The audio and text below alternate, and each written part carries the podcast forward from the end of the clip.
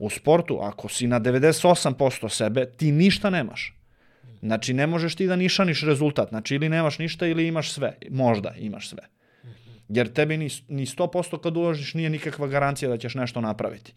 Ali vidi, garantujem ti da ako ne uložiš 100% da nećeš sigurno ništa napraviti. Ja godinu i po dana imao konzistentne rezultate i, u, znači, po rang listi bio prvi judista sveta.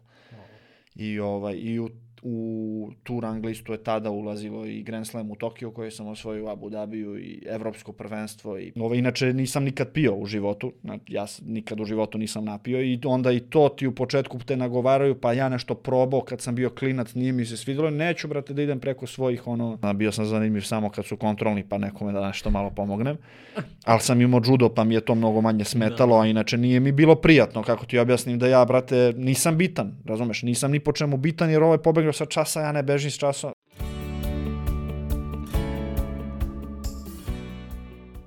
Moje ime je Ivan Kosogora, vi slušate i gledate podcast Da ti to možeš. Ako ste prvi put na ovom YouTube kanalu, najbolji način da nas podržite jeste da se prijavite na ovaj YouTube kanal ili preko bilo koje druge podcast aplikacije. Drugi najbolji način je da kliknete u, na link u opisu profila i da nas zapratite na Patreonu. Sa mnom je danas Aleksandar Kukolj. Možemo ovako? Može? Možemo kako god hoćeš. Ok, dobrodošao. Posle pet tema koje smo otvorili pre nego što smo snimali, sve kažem kao ne, ne, stani, stani, stani. Ja sam razmišljao kako da napravim uvod i da smo na TV-u, da smo u nekom tom medijskom formatu. Ja bih rekao đa generacije u osnovnoj školi, đa generacije u srednjoj školi uh, i usput, posle toliko svega, znaš, ti si, stvari, model jednog mog druga, Igora Mršulje, koji je kod mene na fakultetu imao 10-0, a trenirao je rukomet profesionalno u Partizanu. ja sam uvijek razmišljao kako, kako su ovi likovi, kao kako postigne jedno i drugo. I kako ne uzmu kao izgovor, kao pa treniram profesionalno, ne mogu da budem na faksu, dajte mi šest i tako da. Školu, sve desetki imao čovjek. I kad sam malo pročitao o tebi, bio sam u kako ovi ljudi funkcionišu, to hoću da naučim. Rekao sam, usput po znacima navoda, da. evropski šampion, evropsko zlato, olimpijac, sve me zanima o tebi. Apsolutno sve. I sad kameru prebacam na tebe prvi put danas. Da, hvala Dobro ti, došao. hvala ti na pozivu, bolje te našao. Imali smo malo muke, izvini, na tome da se, da se organizujemo, da se vidimo, ali nisam ni hteo ni da zbrzamo ovo što ćemo da radimo, nego da ga odradimo što se kaže kako treba. Mm krenula mi malo putovanja i onda, to jest krenula, da li su krenule ili kako je već situacija funkcionisala, s sam malo na, na planinu tamo gde najviše volim da, da treniram 20 dana i pa se vratio pred novu godinu, pa opet malo i evo me sad kod tebe da pričamo o čemu god ti želiš. Pa odmah ćemo krenemo na planini, gde ideš to, šta, šta je priča? E, idem na, na, na Belmeken, to je olimpijska baza u Bugarskoj, 120 km negde od Sofije, onako jedna dobra ne dođe, jedno 20 km oko te baze nema, nema ono živog čoveka, što se kaže, nema kuće. Ovaj, I prvi put sam tamo otišao u januaru 2015. I od tad svake godine dva, minimum dva puta po 20 dana. Znači, po mojoj računici sam blizu državljanstva, kako stvari da, da, da, još malo. Ovaj, ali tad mi je to značilo, odnosno i svidalo mi se i, i ja i jednostavno i volim to što radim i prosto ono, kako, kako život te uhvati u mašinu, kreću neke obavezice, kreće svašta nešto i to se i nagomilava kako, kako idu godine, prihvatamo nekih više stvari na sebe, nešto voljno, nešto malo manje voljno. I sad mi je to bukvalno psihofizički detoks, ono, pobegnem 20 dana, uradim i, i, i spavanje, i hranu, i ovaj, i trening naravno daleko od toga da to meni nije uređeno u Beogradu ili bilo gde da sam. Ja inače dosta putujem kad, kad treniram prosto to je moj, moj izbor baš zbog fokusa Ovaj, međutim, jednostavno nemam, ne sednem re u kola 20 dana, ne, parkiram ga i ne, naš, sve mi je u, u, u 100 metara, ne pređem više od 200 metara dnevno van, van onoga što zahteva trening od mene. Tu mi je klopa, u to vreme mi je klopa, sve je spremljeno kad dođem, tu, tu treniram, sve mi je spremljeno za to što treba da treniram. Povedem ekipu koja mi je dobra ono, za, za glavu i dobra za, za fizikaliju i to je to, znaš. Tako da... Rekao si olimpijska baza šta, šta je to, sorry, to pripusa da čujem kao pojam, ja pričam kao da. neki like koji... Da, da, naravno. O, olimpijska baza to je ono, baza adaptirana s, e, sa svim uslovima za bavljenje olimpijskim sportovima i sad to, to ti je zapravo sportska baza, jedino što za olimpijsku bazu mislim da postoje neke, pa, neki parametri koje mora da, mo, koji se moraju ispuniti. Mislim, mi u Srbiji nemamo olimpijsku bazu, imamo fine komplekse, ali nemamo olimpijsku bazu, jer mislim recimo između ostalog da je jedan od, od uslova da olimpijska baza ima i jezero na kome mogu biti e, kajakaši i veslači, mora da ima stazu, mora da ima da, tako, u time mislim da se vode, između ostalog i ta baza je na 2000 metara, to je nešto što mi takođe prija, pa i zbog toga, i zbog toga odem na 2000 metara nadmorske visine. Tako da, suštinski nema tamo neka topla voda, što se kaže, nego imam samo svoj mir, imam prosto i ti ljudi koji dolaze, e, čest, često sam tamo se dešava se često se zadesim sa našim rvačima, sa našim kajakašima, sa, sa ovaj, još neki ljudi kojima se nisam susretao tamo iz, iz naše zemlje znam da idu, uh, ali prosto ko god dođe, odakle god dođe, dolazi sa onako jasnim nekim ciljevima i osjeća se ta energija da, da li je kajakaš iz Kine ili je rvač iz Venecuele, to su ljudi koji dolaze prosto kako ti objasnim, ne dolazi tu čovjek bez ambicija da napravi u sportu nešto na i onda tebi bude nekako i lakše u toj atmosferi kad nema kako ti objasnim, nema da te vuče da odeš u kafić na kolač, nego prosto svi peglamo nekako isto i svi smo svi smo u toj nekoj mašini. Znači, ne ta gradska varijanta, nego ova svako neku svoju bitku bije i svoju muku muči, znaš. Mm -hmm. A kaži mi, to ne moraju samo olimpici, dolaze ljudi, sportisti Da, dolaze ljudi sportisti, dolaze čak i gosti. Oni imaju dve odvojene cene, jedna je za goste, jer to je onako jedno, dva sata od Sofije i, i imaju dve cene. Jedna je ono pun pansion fazon za, za ljude koji ne koriste sportski, sa, sportski sadržaj i druga je za ljude koji, iskorist, koji koriste sportski sadržaj.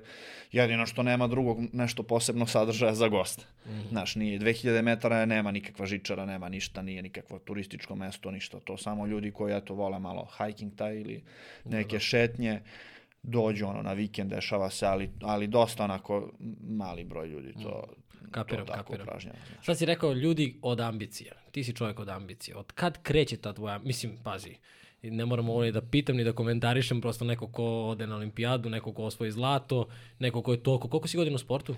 22, boga. 29. Od to, pitanje nije na mestu čovjek od ambicije, ali moram da te pitam šta je za tebe ambicija i od kad kreće cela ta priča? Na, vidiš, sad si me, nije, ne znam da li me iko ikad pitao to, znaš, sad mm. mi je to mm. simpatično, ali ovaj, mislim da kao i u krajnjem slučaju neke druge stvari objašnjavam na taj način jednostavno uh, sa evolucijom tebe kao sportiste i kao čoveka neke druge te stvari vuku. Mnogo je teško da ti niti je normalno da ti detetu koje je krenulo da trenira sa 7 godina pa do 12 ti objašnjavaš i pominješ neke olimpijske igre. E, mora da te motiviše nešto drugo, mora nešto drugo da ti bude zabavno, naročito što i odraslim ljudima je najteže da se bave aktivnostima gde rezultate tek treba da vide jednog dana u budućnosti možda. A kamo li detetu? Naš dete, bio je onaj test pa detetu daju mančmelov ili šta već komad čokolade i kaže nemoj pojedeš 15 minuta za pola sata, ja 20 minuta kad dođem, ja, ako nisi pojao, ja ću ti dati 3. Kakvi dete smaže odmah. Znaš, dete je moraš da ga animiraš u tom momentu jer ne možeš da očekuješ od dete da se nečeg odrekne zarad nečeg što će bude za 10 godina. Daj mi da se ono igram ako mogu i to je to to čak nije lako ni odraslim zrelim ljudima, što se kaže. Tako da nis, nije meni ambicija uvek bila us, usmerena ka, ne znam, nija olimpijadi, ka najvišim rezultatima. Jeste ka najvišim rezultatima, ali ti rezultati su se drugačije merili u tom momentu. Jesu se oni povećavali kako si vremenom išao, samo da bih te sad ispratio Jesu, dobro? Ili... i, i povećavali su se, jer jednostavno malo je i judo ovaj, bio u nekoj nesrećnoj fazi u, u, u momentima kad sam ja kretao da pravim rezultate i to je bilo negde naj nešto najteže s čim sam ja treba da se izborim, to je neka atmosfera u, u judo svetu u Srbiji. Recimo, ja ću sad da ti... I mislim da smo mi to promenili. Sad ova generacija mlađa koja ide posle mene i ja kao negde njihov predvodnik, mislim da je to sad mnogo, mnogo drugačije. Sad nas očekuju još neki koraci da, da, da na, namestimo judo tu stvarno gde mu je mesto u smislu i popularnosti i pribli, približavanju ljudima, ali ja sam 2017. postao prvi evropski šampion ikada u istoriji Srbije. Pre mene pričam ti sad za muškarce, za žene, nisam siguran da imam tačne informacije. Pre mene seniorska evropska medalja bila 2007. pa pre te dve, e, 97. pa pre te 87. mislim. Za 2007. sam siguran. Znači, Čekaj, to je sve na, na 10 na godina. 10 godina dolazi evropska medalja. Ja ću ti sad nabrojati iz, ruk, iz rukava 10-15 boraca iz Evrope koji imaju po 5-6 evropskih medalja sami. Na što nisu supermeni, to nisu ljudi koji imaju šest ruku, to nisu, to su samo ljudi koji su rasli u nekom mentalitetu gde u krajnjem slučaju judo ima drugačiju tradiciju u njihovim zemljama i, i, i opet on kao mlad takmičar kad stane u vrstu, pa ispred njega je trenerska vrsta, tu ima nekih par ljudi koji imaju pet olimpijskih, 15 svetskih, evropskih medalja jednostavno krećeš da treniraš sa nekom idejom da je najnormalnije da ti osvojiš medalju na najvećim takmičenjima. Ja kad sam, ono, ja se sećam dobro da su se ljudi vraćali na- naši, naši, i zbog toga mi je žao, mislim, to su sve, ja sam sve sa, sa tim ljudima preklopio u nekom momentu svoje karijere, oni kad su završavali, a ja kad sam tek kretao, treba da odu na Grand Slam u Moskvi, pa niko ne pobedi ni kolo, pa pričaju da su dobro prošli, se niko nije povredio. Znaš, pravili, zbijali šale od toga. Ja sam odbio da verujem u to da, da, da prvo nismo mi netalentovana nacija, daleko, mnogo daleko od toga, mi smo možda netalentovani za futbal ili nešto drugo, ali vidi, nije bilo rata u zadnjih 2000 godina u, u 3000 km okolo da, da nismo se mi očešali od taj rat. Ovaj, ako ništa imamo predispoziciju da budemo dobri borci. I, I između ostalog, dobri smo rvači, dobri smo u tekvondu, dobri, znači u judovu. Stvarno mislim da je bio samo taj problem uh, negde mentalnog sklopa, ali cele zajednice. Znači nije tu Misliš bio... da se nije judo doživljavao kao ozbiljan sport ili mu Ne, se ne, nije doži- davalo šta? Doživljavalo se samo jednostavno iz nekog razloga uh, se ceo sist, uh, atmosfera se nekako usedi i ljudi se zadovoljavaju manjim stvarima i prosto te neke veće stvari, evropska medalja, deluju nedostižno. Znači, jednostavno ti deluje nedostižno. Ne, jednostavno nađeš 75 različitih e, izgovora i bilo je tu i sad tokom 90-ih i sankcija i zbog čega nisu mogli, pa i pre toga je bilo problema i posle toga je bilo problema. Ali sve to nešto, ja sam imao nekakve probleme i, i razumeš, ja, sam, ja nisam imao put koji mogu jasno da pratim, koji će me dovesti do toga što sam ja zamislio. Ja sam izlomio, ono, telo mi je kod da sam na bombu lego da bi, jer sam probam ovde, probam onde, pa vidiš, udariš glavom u tvrdo, pa se vratiš, pa ajmo iz početka. Ovaj, svako vreme nosi neke svoje probleme, tako da ja to negde ne, smet, ne smatram objektivnim izgovorom, ali jednostavno bilo je takvo vreme iz kojih god razloga, nama je vrhun, vrhunsko dostignu. Ja ti sad pričam šta su mene učili, znači balkanska medalja zlatna ti je target, jer ti ona donosi nekakvu stipendiju, šta god, a ne daj Bože ako budeš slučajno evropska medalja pa ti imaš pravo na tu neku penziju, kači kimono, klin, ti si završio svoj, naš ono dobi. Neću bre, hoću ako mogu da ih uzmem 10, hoću da, da odem u Rusiju, ja sam u, na kraju taj, samo nije bio u Moskvi, što mi je žao, nego u Jekaterinburgu, pa je manje zvučno. Ja sam taj Grand Slam u, u, u Rusiji osvojio 2000, o- 2018. Ali trebalo mi onako dosta nekog vremena da, jer nisam ja rođen sad sa nekom ludačkom i sa ispravnim mozgom i da idem i da, nego ja sve mislim, pa dobro, a idem da probam kad ovi svi nisu, pa odem, pa sećam se 2012. sam prvo kolo imao Rusa, bukvalno samo što mi nisu rekli da se vratim kući, prvo kolo zapao na prvog nosioca Rusa ili drugog, ja ono, tad mi je bila to nova kategorija 90 kg, ja ga ono presvučem, ni meni nije bilo jasno kako. I to ti je to, naš, dobiješ takve male znake da možeš, pa počneš malo da veruje, pa ajbo moglo bi još nešto dalje, moglo bi još nešto dalje i dok se ti okreneš ti si tu. Ja sam inače najponosniji od svih svojih rezultata na to što sam skoro godinu i po dana bio prvi na svetskoj rang listi. To nije jedan rezultat, nije jedan dan u kome si dobar i zvezde se sklope, nego sam godinu i po dana imao konzistentne rezultate i u, znači po rang listi bio prvi judista sveta. I, ovaj, i u, u tu rang listu je tada ulazilo i Grand Slam u Tokio koji sam osvojio u Abu Dhabiju i Evropsko prvenstvo i posle Jekaterinburg i, i tako dalje. E, jednostavno, onako, hvala Bogu da ono dobijao sam na kašičicu, ali tačno dovoljno koliko mi je trebalo u momentima da ja poverujem da ja to mogu dalje. Da ja mogu i, i da osvojim i nešto što ne znam, pet godina pre toga nisam mogao ni da, da, da poimam, jer mi nisu dali, znaš, nisu mi, ubeđivali su me da to nije moguće. Kogod da je to osvojio, on iz nekog specifičnog razloga je to mogao, ali mi svi ostali a, to ne možemo. I ovaj, I to ti je to, znaš, dok se okreneš, ali ja sam ceo život s tim borio. Ja sam, sećam se kad sam sad pomenuo si, ovaj, E, pomenuo si sad i školovanje u krajnjem slučaju, pa prvi razred, pa 5.00, drugi razred 5.00, e, vidjet ćeš u petom kad stigne engleski, kad stigne fizika, peti, a 5.00 vidjet ćeš u sedmom kad dođe hemija. Uvek je to bilo da. lako ti osnovno, vidjet ćeš u srednjoj i tako dalje, znaš. Tako da uvek ti imaš ovaj, e, neku grupu ljudi koju, koja negde onako je u nekom, nekim okvirima proseka i to im je okej okay, i meni je okej okay da, što je njima okej okay sasvim. Nemam ništa protiv što se kaže i uvek imaš neko glavonju koji misli da nešto tu može i drugačije i više ili u krajnjem slučaju manje ili bolje ili gore, ali uvek imaš te koji iskaču iz nekih okvira. I, I onda, znaš kako, meni je to onda u jednom momentu postalo izazov da pokažem ja i, i sebi, a i drugima da li to može ili ne može. Možda ne može, znaš, ja naročito sad kad sam malo i sazreo ranije sam, a može 100%. Znaš, ja sad prihvatam mogućnost da nešto objektivno što ja zamislim, možda zato što su mi sve luđe zamisli, jer su ovaj, stimulisane tim, tim samopouzdanjem iz tih dana. Ovaj, ali jednostavno, ok, vi mislite tako, ja sad mislim ovako, a ja kad to malo probam, ja ću doći pa vam reći, he, ipak sam uspeo ili ljudi stvarno ste bili u pravu, evo ruka, znaš, stvarno nije moglo. Stvarno nije moglo. Kaži mi, kad si osvojio, kad si prvi dan postao uh, prvak na svetu, prvi, prvi judista na svetu. Što je bilo bukvalno sa osvajanjem evropske zlatne medalje. Aha, to je pre... Šta znači, tačno se desilo, da. Šta si, ajde, ajde, sorry, ajdemo na evropsku medalju. Osvojio si zlato, o kom se ovde nije ni pričalo, očigledno da vas nisu ni učili da je to opcija, da je to moguće. Šta si pomislio kad si, kad si slušao himnu i kad si...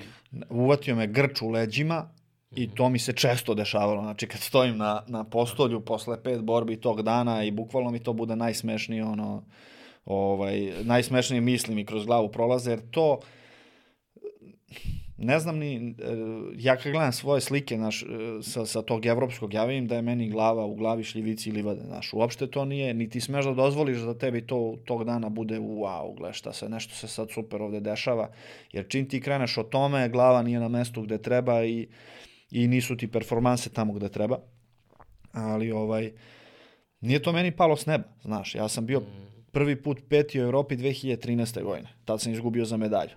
Uh, Ne, peti 2012. godine. To je tad kad sam tukao prvi put. Znači, to je meni bilo, ja nisam imao rank uopšte. Znači, pojavio se pisalo mi, sećam se, koji juče ovako pogledam semafor, izlazi sa Rusom, koji je drugi, treći, možda na svetskoj rang listi, meni piše ranking none, nan, znaš. Nisam imao, tek sam prešao u tu kategoriju, nisam, a ti kod nas za učešće na takmičenju bilo kog većeg ranga dobiješ neki bod, dva boda, samo da se pojaviš na rang listi. Znači, ja još nisam imao ni jedno jedino učešće na nekom ozbiljnom takmičenju ovaj, u toj kategoriji i, i ja budem peti. I tad sam takav ono teror proživeo u smislu, evo vidim ti sad neku knjigu, ovaj, Ask Gary. Aha, ovaj, da, da. Nemam tu, ali imam neku drugu. E, tad sam takav teror od onog ljudi doživeo u smislu pre, imao si šansu, sad si mogao loto, znaš, kao da si trebao sedmicu, ali si šesticu i ne može opet sedmica, znaš, ne možeš jedno, dva puta da priđeš sedmici i to je to. To su ti Nisi pričali. je iskoristio, da, to je jednostavno, ovaj, ja bih mogao sada da ti nabrajam imena, razumeš, tačno ljudi koji su pokušavali, naravno da nećemo o tome, ovaj, nego ne pričam ti da bi preuveličao priču, znači to su ljudi koji su i stariji od mene, ja u tom momentu imam 21 godinu, jedva 21 godinu. Ovaj, e, da sam prišao toj medalji, pošto nisam iskoristio priliku, vrlo verovatno je to to. E sad ja razmišljam, s 21 godinom sam prišao toj medalji, pa za narednih 10 nek priđem još tri puta, pa statistički ću valjda jednom da je, pa tačno žmu reći da gađam, znaš pa sam ja bio peti sledeće godine, pa sam bio peti 2016. godine i svaki put, prvi put je to bilo pozitivno iznenađenje, drugi put je bila neka realnost, treći put kad sam bio, ja znam da, naš, stvarno sam vredeo bre za tu medalju, ono, plako sam ko kiša što je nisam uzao. I onda četvrti put sam bio prvak Evrope, znaš. Ovaj, tako da nisam ja, nije ona meni pala s neba. Naravno sam bio srećan, ali, ali kako ti objasnim, znači voziš 2000 km da stigneš u Nemačku, kad stigneš ne raduješ se, ne znam nija koliko super, drago ti je sve ok, ali radio si ono, dva dana voziš ko mental da stigneš negde. Ovaj... Ovo sad što pričaš mi kao, kad pričam inače sa borcima i sportistima, uglavnom dobijam to kao, moraš da budeš fokusiran to kada ti se događa, kao ne razmišljaš o slavi, ne razmišljaš o postignućima, razmišljaš, fokusiran si. I onda plus još jedna stvar koju sam, a sad čujem i od tebe, a to je kao, pa da, to, ja sam zaslužio to, ja sam radio za to. Nisam bio iznenađen što sam Znaš kako, hrpa ljudi tu radi, stvarno tu nešto mnogo kockica mora se poklopi zbog kojih stvarno treba da budemo zahvalni. Nije to uopšte sporno. Jer, znači, naročito u sportu kao što je moj, nemaš bre dugu šansu. Znaš, u, u, u borilačkim sportovima između ostalog. Trenutak nepažnje bre bude nokaut i padneš, izgubiš, ideš kući. E, druga stvar nije profesionalno takmičenje. Nije meni zakazan meč sa nekim, pa ako nisam tu ili nisam dobar ili sam se povredio, pa ćemo ga mi otkazati, pa ćemo ga zakazati opet. Ne, ako se to održava, vrate, hteo ja ili ne. Znači ti bre, ne bude ti dobro, ne, loše skineš kile, bude ti muka bre, veče, pre, znaš, svašta tu nešto možda utiče, što može sve da ti pokvari to što smo mi pričamo ti si radio kao i super ti što si radio. Tako da daleko od toga da ja nisam zahvalan u smislu da sam ja, meni to pripada i tako dalje. Znam ja i tragičnih priča gde ljudi su isto stvarno radili, da ja stvarno znam da su radili, da su po svim parametrima zaslužili uh, da im se to konkretizuje u, u nekom rezultatu, a i tu je Messi genijalno izjavio, ima tu svoju izjavu, trebalo mi je da. 20 godina da preko noći napravim rezultat i tako dalje. U sportu to definitivno tako, ti u nekim ne kažem u nekim, u većini, da se ja ne istrčavam jer nisam toliko kredibilan da pričam o nekim drugim poslovima, ali ti negde lupam, imaš neku zaradu od 10.000 evra mesečno koja tebe greje i sad ti se š, e, negde nišaniš ulaganje svoje energije tako da ti praviš to što tebe zanima. Znači ti ćeš onda uložiti 95% sebe jer ne treba ti da uložiš 100% da bi napravio 15.000. U sportu ako si na 98% sebe ti ništa nemaš. Znači ne možeš ti da nišaniš rezultat. Znači ili nemaš ništa ili imaš sve. Možda imaš sve. Jer tebi ni, ni 100% kad uložiš nije nikakva garancija da ćeš nešto napraviti ali vidi, garantujem ti da ako ne uložiš 100%, da nećeš sigurno ništa napraviti. O tome se radi, što jednostavno nije, nije tako, ogroman je stepenik. Znači imaš ovako, ideš, ideš, ideš, e onda imaš ovakav jedan stepenik i, i sledeći ti ovako stoji. Znači ne možeš da ostaneš na pola tog stepenika. ili si u da. podnožju, ili si preskočio gore. U mnogim nekim poslovima ti možeš da izvagaš da koliko hoćeš sebe da uložiš, i da onda razmisliš kolika će ti, koliki će ti biti povrat. U sportu to kad kreneš da radiš, povrat je samo povrede, a ništa ne dobiješ uzvrat. Ništa, jer jednostavno računa se samo da si preskoči na taj stepenik gore i, i nažalost ti ljudi se nazivaju profesionalnim sportistima. Ima ljudi koji su bili ono posvećeni bezmalo kao ja, ali ali jednostavno, evo sad pričamo povreda, neke životne okolnosti, nešto stvarno, svašta što je stvarno i objektivno nije ono kao izgovor ili bilo šta, nego objektivno poremeti čoveka i, i ne napravi to što, što treba napravi, što treba napravi i mi ga ne zovemo profesionalni sportista. Ni ne računamo da se bavi sportom. Da, da. A kaži mi, s obzirom da sad pričaš i da je to veliki pritisak, kako se boriš ti sa pritiskom? Mislim, no, noć pred borbu, noć ka, možemo da pričamo i o borbi, o noć pred uh, evropsko takmičenje ili pred olimpijadu. Što si razmišljao da. kad si, kao, ja sam na olimpijadi, kao ceo život sam okružen ljudima, mediokritetima koji mi da. pričaju, ne, ovo, sad, sad se budim i kao, olimpijada. Da, pa znaš kako, i, i ta moja okruženost, uslovno rečeno, nije bila sad da ja idem, sad šetam ulicom i meni ljudi idu i pričaju, e, to ne može, što ne može, znaš, da sad neko ne shvati ni to pogrešno, jer jednostavno, ja da bi, prvo rano sam napravio taj juniorski rezultat, ušao sam u tu neke tokove da, da prosto pokažem sebi da ima tu nekog smisla, pokažem i drugima da tu ima nekog smisla juriti nekakvu karijeru, pa ti onda kreneš da putuješ ovo što smo pričali. E onda ti ti krećeš da se susrećeš sa ljudima koji su i stariji od tebe, prave ogromne rezultate, vidiš kako se oni ponašaju, vidiš kako bi to možda trebalo, uh, kupiš od koga šta možeš, a ovaj a onda kasnije kako sam i ja uslovno rečeno sazrevao, nema uh, dođeš u situaciju da možda biraš svoje okruženje. Nema, ne, do, ne dozvoljam sebi mogućnost da dođem u, jer prestanu i ti ljudi da ti pričaju kad ti već nešto napraviš, sad neki su srećni iskreno zbog toga, neki se prave da su srećni, ali ovaj, eh, jednostavno lepota mog posla na način na koji ga ja radim, to je da ja mogu da izaberem sebi ekipu s kojom ću da odem na Belmike. Razumeš, to neće bude čovjek koji me nervira ili koji ne veruje u mene ili koji, kome gore nije lepo, znači biraš jednostavno svoju ekipu, tako da nije to ovaj, e, nije nije to toliko drastično kao što smo pokrenuli priču, a možda nije trebalo tako negativnom pravcu od starta.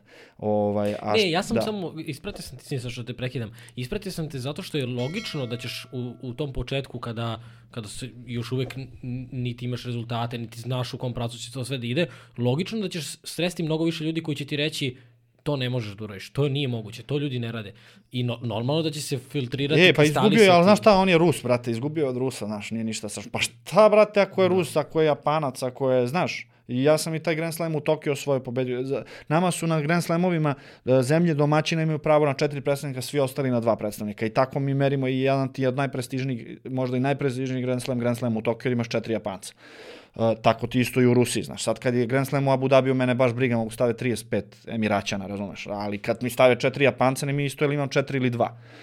Znaš, tako da ovaj, na svašta ti tu negde naiđeš. A hoću ti kažem, kad nemaš pričali smo, mislim, pre nego što smo pustili snimak, e, da, da volim, ako mogu, minimalno neka, na nekoga inspirativno da utičem. Uh, jer sam ja to najviše počeo da cenim kod ljudi oko sebe, jer ja imam 29 godina, prošao sam i situ i rešto i dalje dozvoljavam da me inspirišu ljudi iz različitih sfera i sva, svačega nečega. Me, u mene je moja mama verovala. Razumeš? Ali nije isto kad mi mama kaže možeš ti to, ja se mislim, e, mama, nemaš ti pojma, brate, šta ja radim, a ti meni. Razumeš o čemu ti pričam? Ti meni pričam. Ja znam da ti voliš da ja to napravim, ali ne možeš ti da znaš da li ja to mogu ili ne mogu. A drugačije kad je neko bio prvak Evropa, pa ti kaže, ma nemoj se ti sekiraš sad prvi put, jer sam ja ono, teo vene da isečem, ali te ne, ono, sad karikiram naravno, ali prvi put kad sam bio peti, pa kao, da li moguće, vrate, da ne preskočiš za to malo. Da ti neko ne kaže, ma nemoj se ti sekiraš, sve je to u redu, mlaci, znaš, samo nastavi da guraš, ovo ti je dobra stana, ali drugačije te reči zvuče istu priču kad ispriča neko ko je to prošao, iz bilo kog ugla, da li kao trener, da li kao takmičar i neko ko te samo hrabri. Drugačije te vozi ta, razumeš, rečenica, reč i energije i tako dalje. Tako da, ovaj, međutim, sada da se vratimo na ovo, otišli smo brzinski od teme, ali nisu, nisu nepovezane, što se kaže. Uh, noć pred takmičenje, pred olimpijske igre, noć pred evropsko prvenstvo, jednostavno ja sam, recimo, evo sad sam 20, dve godine u sportu, tad sam bio 19, razumeš, ja se takmičim od naj, najranijih dana i mi, vidiš, ovi u MMA karijerama ljudi se bori do 40. Ja ne znam kako ću preteknem naredne tri, bukvalno, ovaj, pa, da, pa da privodim kraju ovo, jer mi mnogo rano uđemo u gas, znaš, i, i, ja, i ti bukvalno u judovu sa 23-4 godine se smatraš iskusnim takmičarom, što je za neke sportove to ono tek početak, znaš, nisi ni, ni zagolico, ono, ovaj šta treba da zagolicaš, tako da ja recimo konkretno u mom slučaju sam najnervozniji ako nisam još krenuo na takmičenja, treba da izađe žreb. To je recimo svetsko prvenstvo ili neko drugo takmičenje koje traje više dana. Nama je pre prvog dana žreb, recimo ako takmičenje traje 5 dana, ja sam, pošto sam u težim kategorijama manje više ceo svoj život, ovaj, pred, kraj, pred kraj takmičenja se ja borim i recimo nema razloga ako je takmičenje u Budimpešti ili negde bliže, nema razloga da idem 5 dana ranije zbog bilo kakva klimatizacija i tako dalje. I ja idem recimo dva dana pred svoje takmičenje, a dan, dva pre toga izlazi žreb. I ja u tim svojim svakodnevnim aktivnostima očekujem nekako žreb, tad sam nekako najnervozniji i iz nekog razloga mi to kljuca u mozak, jer ovaj, nemam osjećaj da radim šta treba, bukvalno kao, kao znaš ono, je to takmičenje pijaca, znači ja kao kuća, tamo se nešto dešava, tak, takav neki osjećaj imam.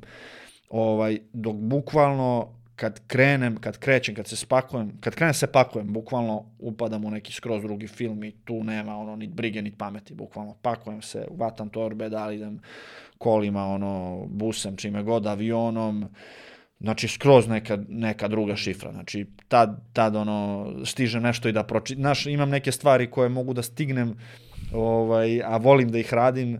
E, kad, kad krenem na pripreme, kad krenem na, na, na takmičenje, lupam u avionu nešto uzmem da pročitam, ne znam, pogledam neku seriju na tom tak, pre takmičenje dva, tri dana, jer, jer ti tamo spuštaš praktično, skidaš kile, spustio si energetsku potrošnju na neki minimum, nemaš nikakvih obaveza tokom dana osim da ono odmaraš i da ispoštuješ jedan ili dva treninga u zavisnosti od toga koliko ti kile to traže od tebe.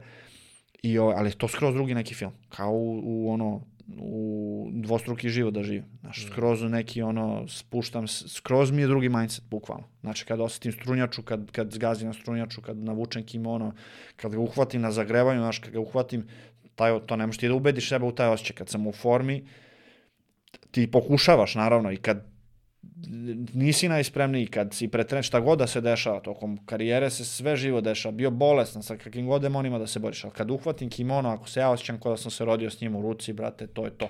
I od toga, naš, kad, se, kad uhvatim pa me boli svaki prst, naš, ne mogu ja sebe da ubedim da je meni super što sam ja taj kimono uhvatio. Da, znaš, da. Sve, se, sve se nekako menja. Ne, ne pričam uopšte, ne, čak meni pričaju ljudi da ni ja ni vizualno ne izgledam uopšte isto kao kad pričam sad sa tobom ili, ili ono, e, ali recimo e, supruga mi kaže da, da, da kad se dese neke nepredviđene situacije, da bukvalno mi se iskrivi, iskrivi mi se faca ono kao, kao pred borbu. Znaš, bukvalno tad nekad uradim nešto da, da ni nisam u momentu ni, ni, ni svestan tačno šta sam uradio. Ne, lezam u saobraćaju, neka, neka ne znam situacija, šta god da se desi, neka ono visoko adrenalinska, da mi se bukvalno faca izmeni u, u kao ono pretakmičenje. Znaš, ovo nije sad... to skroz neki drugi film. Da, da, ovo sad me podsjeća, ne znam da si čitao uh, o čoveku koji ima, ne znam, 95-6 godina i ne može, da, ne može da hoda i ne može da pomera ruke, bukvalno ga hrane, ga ono na cevčicu i tako dalje i kada ga stave za klavir i kada krene da svira i kada celo telo pogledaj sad, kada celo telo dobije potpuno drugačiji izgled gde on uživa, gde on se pomera, klati. Inače to, kako ga sklone s klavira, ne može da se pomeri. Potpuno drugi čovek. Za da. ovo što ti pričaš kao. Da, to ti je ta mišićna memorija, ono, koja da. je urezana duboko, on je verovatno to e, rilja ko zna koliko, koliki niz godina, da. i, ali jednostavno mm. ne možeš bre da izbrišeš nešto što radiš, znaš ono, što, što kljucaš sebi u mozak 20 godina, izabrao si, znaš, nije to mene niko terao, to Kako je moj izbor. Kako si ti izabrao to? Pa slučajno, otvorio mi se klub u ulici, meni ljudi, ni, roditelji nisu uopšte iz sveta sporta, mm. oni su, ono, ra, ono, iz klasične sam radničke porodice, što se kaže, nisu mi roditelji ni, nisu iz Beograda, ja sam poreklom iz Bosne, ovaj, iz predela zakačenih ratom i tako dalje od 91. Od 92. tačnije smo u Beogradu i ovaj i jednostavno ljudi su se sad, to je bio za njih potpuno neki vanzemaljski izazov, nisu mogli, kako ti objasnim, da se ugledaju kako su njih odgajali njihovi ono na selu, gde znaš kako se živi na selu i, i sad sa svim nekim stvarima koje nudi grad, što lepim, što, što ružnim, kako iskoristiti lepe, a gde je školovanje, recimo moji nisu imali uslova da se školuju dalje od osnovne škole, pa pokušavali srednju, otac došao da radi, da, da, da ide u školu, pa vidio to ne može baš tako, znaš. Tako da, ovaj, e, i bukvalno su se vodili time svojom zdravom logikom ono da, da treba samo da idem na neki sport bukvalno da, da kanališem energiju i vreme slobodno negde gde, gde, gde je to produktivnije i onda naš ovo daleko, ovo ovde, ovo onda. Inače, judo kad se otvorio u meni u ulici, ja nisam ni znao šta je judo. Bukvalno, ja sam znao šta je kimono i da je to neka borba. Znaš. Tako da i opet nisam ga zavolao za mesec dana zato što je to judo ili zato što su mi se sviđale tehnike ili bilo šta, vraćamo se na onu priču od početka. Znači, bilo mi je zanimljivo, svi mi negde volimo časove fizičkog ono, u osnovnoj školi, jedva ih čekamo, meni to bilo ko fizičko.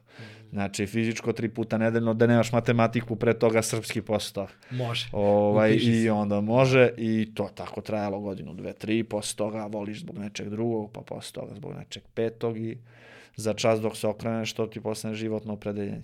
Kaži mi, kako si uh, izbalansirao školu? I, jer jako je zanimljivo. Ja imam, ja znam dva čoveka koji su to uradili. To je moj drug Bože u srednjoj školi koji je trenirao futbol i bio najbolji žak u odeljenju i Mršulja, koga sam već spomenuo. Ne znam da znaš možda Mršulja, ja sam sad kad sam pričao... Por... Da, da nis, nisam siguran da znam. Ok. I kako si, kako si, odakle ti ošte ta svest da budeš 5-0 i ceo taj tvoj Koji si ti tip? To sve vreme pokušam da te pitam. E, pa znaš kako, nisam, nisam štreber, štreber, jesam, nisam štreber u nekom klasičnom smislu ovaj, te reči, pro, provlačio sam se ja gde god sam mislio da treba da se provučem, a gde sam mislio da je korisno da dam sve od sebe, dao sam i mnogo preko onoga što se što je bilo dovoljno za, za neku ocenu koju sam tada gađao. Ali opet, opet se vraćamo na to, uh, I, I negde sad zbog tog mog školovanja ja sam, ja sam onako dosadan tip, znaš, nisam tabloidan, nisam, nisam u tom kontekstu, niti to je danas, toga... To je danas zanimljivo, samo znaš, dosadni su sad tabloidni. E, Bar meni. Kako god, da. Ja, ja ne ovaj... mogu da više kao, ne, meni si ti sada kao ko je ovo, brate? Pa Jes- jes- jeste, jesmo u okej. 2021. Ma dobro, kao. mi se, ovaj, da, možemo mi se sašalimo na taj način. Ne, nisam ja, nisam ja neumereno skroman, ali hoću ti kažem, sad ću ti naveden 20 imena koje ne mogu nečim posebnim da se ovaj, poponose, da su ovde u, umesto mene ti bi imao podcast sa mnogo više pregleda i tako dalje, ali ni bitno, ne, ne, ovaj, ne pričamo o tome, ovaj, to jest da ne pričamo o tome, da mi Da, se ne da. otvori dizna, koga zna koga možemo da potkačimo. Jel ti se sad meni malo Ovaj, kao... Ne, nije, Ok, nije, nije, šalim nije, to, nije to. Nije, nije to što može da me zagolica. Da, da, da. Ovaj, uglavnom, kažem ti, šta dete možda zna kad je prvi razred? Znači, ne možeš da mi objasniš, meni to treba jednog dana, meni to treba... A, a kažem ti zbog toga što sam ja, pomenuli smo školovanje, pa sport, pa ono, mene uglavnom i i ljudi i angažuju da popričam negde sa decom, učestvovao sam dosta puta i na nekim tribinama gde sam razgovarao sa, znaš, bio sam i, ja sam inače bio asistent na, na, na fakultetu koji sam ja završio jedno vreme, kratko vreme, jer sam bio vezan za profesore koje za koje sam, ja se za ljude vezujem pre svega, pa sam bio i, i, i gostujući gostujući profa, asistent profa i na ekonomskom, ovaj, i uvek na se ekonomskom to... fakultetu u Beogradu. Da, da, da. Mislim, gostujući na jednom, na jednom predavanju sam bio pozvan od strane nekog profesora, Bravo. sad to je, mislim, nije to duža priča, ja sam bio u nekoj emisiji koja se zove Studio znanja, ovaj, gde sam govorio pored nekih ozbiljnih ljudi, među kojima je bio profa sa ekonomije Lončar, e, ispostavilo se da je moj profa ovamo gde sam ja studirao da su oni sa generacije drugari i da je naravno zvrcno ga posle i pitao izgleda ovaj momak ima nešto malo u glavi šta misliš o kao ma da ono ok ti je da ga pozoveš i tako dalje ali opet hoću ti kažem nisam ja tamo nešto nužno pričao ni o ekonomiji ni možda malo o mom doživljavanju ekonomije iz ugla studenta jer, jer mogu da dozvole sebi da me pitaju nešto više nego profesora, ipak smo bliži, bliži godinama, koliko o tome ovome o čemu ti i ja pričamo. E sad, opet se sad vraćam zbog čega sam sad to raširio priču. Nažalost, nažalost ti bukvalno životno opredeljenje svoje negde negde kre, opredeljenje, životni put sebi kreiraš u mnogo ranom dobu kad uopšte nisi svesna da će to tebi jednog dana značiti. A to ti je period, jer uh, bio sam stimulisan da razmislim o ovome, jer se često susrećem sa, pit, o, sa tim da na takva pitanja odgovaram. Znači, mi između petog i osmog razreda i dalje ništa o životu ne znamo. A i tada je fora da ti pobegneš sa časa, da, da bi se istaklo, jer svi gledamo da se istaknemo, to su oni okviri o kojima, koje sam pominjao na početku. E sad, nažalost, mnogo je teško u nekom periodu istaći se na lep način, ili se to mnogo teže onako ceni, pa onda ajde da se istaknemo na neki manje lep način. To je interesantno tad i pobeći sa časa i dobiti keca i imati neopravdani svašta tu nešto. Tebe ti bodovi i to neznanje koje stekneš u tom periodu, ako se opredeliš da budeš interesantan devoj, a svi želimo da budemo, razumeš, interesantni u društvu, devojčicama, ovako, onako, uh, ako ne istrpiš to da budeš dosadan koliko sam ja bio dosadan, bio sam zanimljiv samo kad su kontrolni pa nekome da nešto malo pomognem, ali sam imao judo pa mi je to mnogo manje smetalo, a inače nije mi bilo prijatno, kako ti objasnim da ja, brate, nisam bitan, razumeš, nisam ni po čemu bitan jer ovo je pobegao sa časa, ja ne bežim sa časa, sa časa i samo sa njim će tamo svi, oko njega je neka gužva, znaš.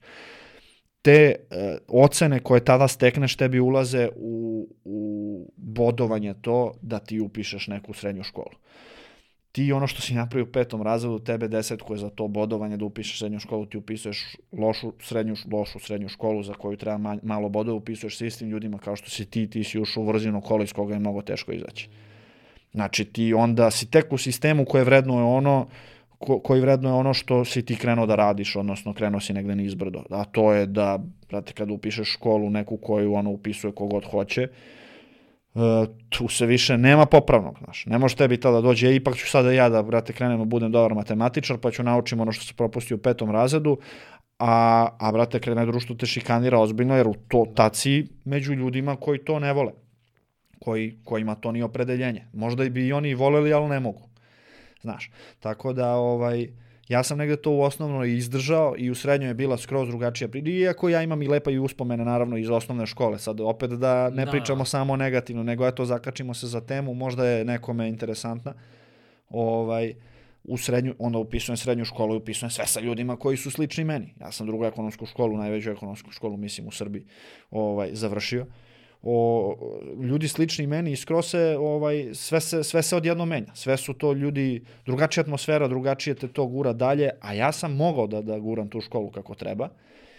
I ono što je mene guralo s tih početaka kad stvarno ništa nisam znao, to je da, da eto malo i, i takva situacija u porodici i, i nemamo mi porodično, nisam volao i kad tu rečemo status izbeglice, ovaj, niti bilo šta, ali smo, on, ono, oti, moji su otišli zbog rata, ovaj, i to tamo odakle mi otac je selo izgorelo i tako dalje i teža malo finansijska materijalna situacija i snalazili su se i to su 90. koji ljudima koji nisu bile, bili sa područja zahvaćenih ratom bile teže. Godine jednostavno ja sam mogao da budem dobar u školi i hteo sam pre svega jer su moji roditelji umeli bre tome da se obraduju. Znaš. Ja, ovo Znači, jako ja sad što si rekao. peticu kad donesem koja je u svesci, ja tebi ne mogu da objasnim, ja sad, znaš ono, i sad su to neke stvari koje ja učim od mojih ljudi koji nemaju visoke neke škole, mislim da bi o odgajanju dece mogli da napišu, meni inače sestra s devet i po prosek ima na medicini završila osnovne studije, malo lošije od brata, ali nije loša. To se ceo život, To znači su, neka, ali su da, ceo da, život da. ratovi, ja sam nju do suza dovodio svojim propalim argumentima, ali sam izgleda mag za argumentovane rasprave bez argumenata da ja objasnim da sam ja bolji u školi nego ona. I uglavnom, toliko su uspeli, uspevali da se oduševe tome, da to pokažu iskreno, da ja, brate, vidi peticu, dobijem trčim kući, brate, samo da im pokažem. Znači, to je neka, kako ti objasnim, petica u svesku u prvom razredu. Znači, najnebitnija stvar možda potencijalno na svetu za neki zbir svega ukupno, ali to meni toliko, to je mene toliko grejalo da ja ne mogu da ti objasnim da naš ono ljudi u današnje vreme i tada i sada i sad ja se trudim da da, da, da kopiram ono što mislim da su dobro radili, a mislim da su odgoju dece mnoge, skoro sve stvari dobro radili. Ovaj, da ne preletiš preko toga u super, jer tebi u tom momentu ti, ti si sad prošao sve i vidiš da to tad nije bilo nešto bitno. Realno, realno imaš ljude koji su mnogo više napravili pa su bili, ja ne mislim da je to nešto ekstremno bitno što sam ja bio da će budeš 4.50 ili će budeš 5.00. To je samo negde bilo meni, jer sam ja video da to mogu i kad brate mogu 4.75 daj bre i ove tri ću četvorke da popravim pa da to bude 5.00. Razumeš, jednostavno sam mogu.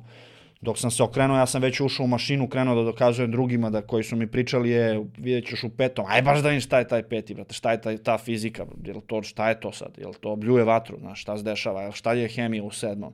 I op, op, malo inat, malo ovo, malo ono i, brate, već meni to postao imidž, malte ne, znaš. Ovo, inače nisam nikad pio u životu, ja nikad u životu nisam napio i onda i to ti u početku te nagovaraju, pa ja nešto probao kad sam bio klinac, nije mi se svidelo, neću brate da idem preko svojih ono preko, preko svog osjećaja da bi sad svima bio tu nešto interesantan i, i jednostavno nisam tad krenuo da pijem nisam tad probio tu gorčinu što mi kažu ti dalje misliš da je pivo gorko i te fore. Ovaj, i to ti onda postane deo imidža znaš, imidža Znaš, ono, malo reč teška za, za dete ono, u osmom razredu, ali jednostavno meni to bila fora, brate, jeste, 5.08. U srednjoj školi me ljudi pitali koliko imaš komada za kraj, a ja ono ne smem da kažem, brate, pošto mi velika škola bila toliko da ono nisu, nisu sad svi sve manje više znali i sad ta ekipa neka i s kojom sam se družio i sad gluposti koje smo pravili onako benigne neke stvari, ali ono, šale, sve okej. Ovaj, da, da me pitaju koliko imaš komada, ma rekao, nešto sam se izvukao, ne pitaj me ništa, razumeš, ono, ja 5.00, znaš, tako da, dok se okreneš, brate, vidiš da možeš i uhvatiš neku, neki korak, uđeš u neku mašinu i, i teraš. Znaš. I onda sam i faks taj upisao sa idejom, ok, istero si svoje konju, jedan bravo, znači, faks sad pričaju, to je nešto, wow, upisao sam privatni fakultet, ovaj, nećemo, zbog sporta prevashodno, nećemo ga imenovati da ne radimo reklame, ali sam za, zakačio neku ozbiljnu ekipu profesora, sad ja kao neko ko je bio Uopšte, ozbiljan. samo da znaš, da. je okej da kažeš koji je fakt što se Ma, mene naravno. tiče, ako i tebi... Bi... Ne, nije, niti mi je bitno, niti Okej, cool. ovaj, me, me, Megatrend je u pitanju. Ovaj, zakačio sam neku ekipu profesora koja, nažalost, nije se dugo zadržala i, i mislim da je to krenulo malo da gubi svoj nit sa, sm- sa smrću profesora Pelevića, ovaj, koji se razboleo u periodu dok sam ja studirao, pred kraj mojih studija. Inače, ovaj, ti si to negde s početka i pomenuo kako da ne isko, ja sam jednostavno nisam takav tip, kako da, da, da, da ne iskoristiš sport, da budeš malo, da uštineš na obrazovanju, pa sad ti to možeš onda i obrnuto, dođeš na trening, zakasnio si ili nisi došao zbog ovoga. Ja sam hteo da upišem fakultet, nisam znao ni šta je fakultet opet u tom momentu, šta te sad tu čeka, koliko to možda bude teško, sa idejom da to ide negde u roku i to je to, neću više se palim na ocene, daj guramo u judo priču, vidim da, da, da to ide kako treba. I ovaj, i, i zalaganjem profesora Pelevića pokojnog, uh, mene primjer na budžet od prve godine na privatnom fakultetu, to se inače nije dešavalo. Znači, mogu si tek u drugoj godini da, da tek u drugoj godini da upadneš kao na budžet zbog dobrog proseka u prvoj. Ja sam od, prvo, od prve godine tu zapao i jer sam im rekao da ne znam kako ću finansijski moći to da ispoštujem.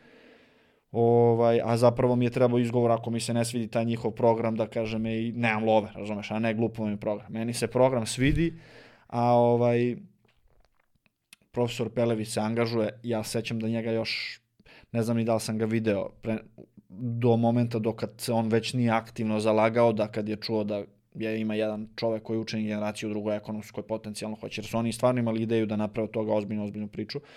To je bila neka ekipa profesora sa ekonomskog fakulteta koja je dobila otrešene ruke da napravi fakultet kakav oni misle da, da treba. Tu je bio profesor Pelević na čelu svih njih, profesor Vlada Vučković, kome sam ja bio saradnik u nastavi kasnije ovaj, profesor Dejan Miljković i profesor Vladimir Istanović. Eto, kad smo već krenuli da ih ponovno... Pa super, ovaj, da. i, I u super sam odnosima sa, sa, sa njima, nažalost, profesor Pelević više nije među živime i ne mogu da ti objasnim kako me to pogodilo. To je čovek stvarno koji, to je čovek koji je ovaj, koji je bukvalno za svaku tu moju desetku na fakultetu zaslužen. Znači, jer kako bre čovjek tamo nešto bori za tebe i ja sad kao teram da. kao šestice. Vidi, izginuo sam. Znači, samo da bod ne izgubim na njegovom predmetu. Ne mogu ti objasniti. Ovaj, I na kraju sam ja imao fini prosek i na stranu i prosek u krajnjem slučaju, sad opet se vraćamo ocena, nije ocena naš, nešto na način na koji su ti profesori uspeli meni da ekonomiju predoče, posle sam veliki, inače posle srednje škole ti dalje ne znam šta je ekonomija, znaš, mnogi ne znaju ni posle fakulteta, ali e, misle da je to dosadno i tako dalje, ali zagorebeš ispod površine na način na koji su oni mene usmeravali, nas sve tamo, pa sad neko je umeo to da čuje, neko nije, ovaj, što kaže profesor Pelević, Kaže, ne mogu ja vas da naučim kako se zarađuju pare, ja vas učim da razmišljate na skroz drugačiji način. A ja sam to, verovatno, zato što sam i, i lično već mogao da osetim, jer sam e, rano krenuo da, da vodim računa i o financijama porodici i tako dalje.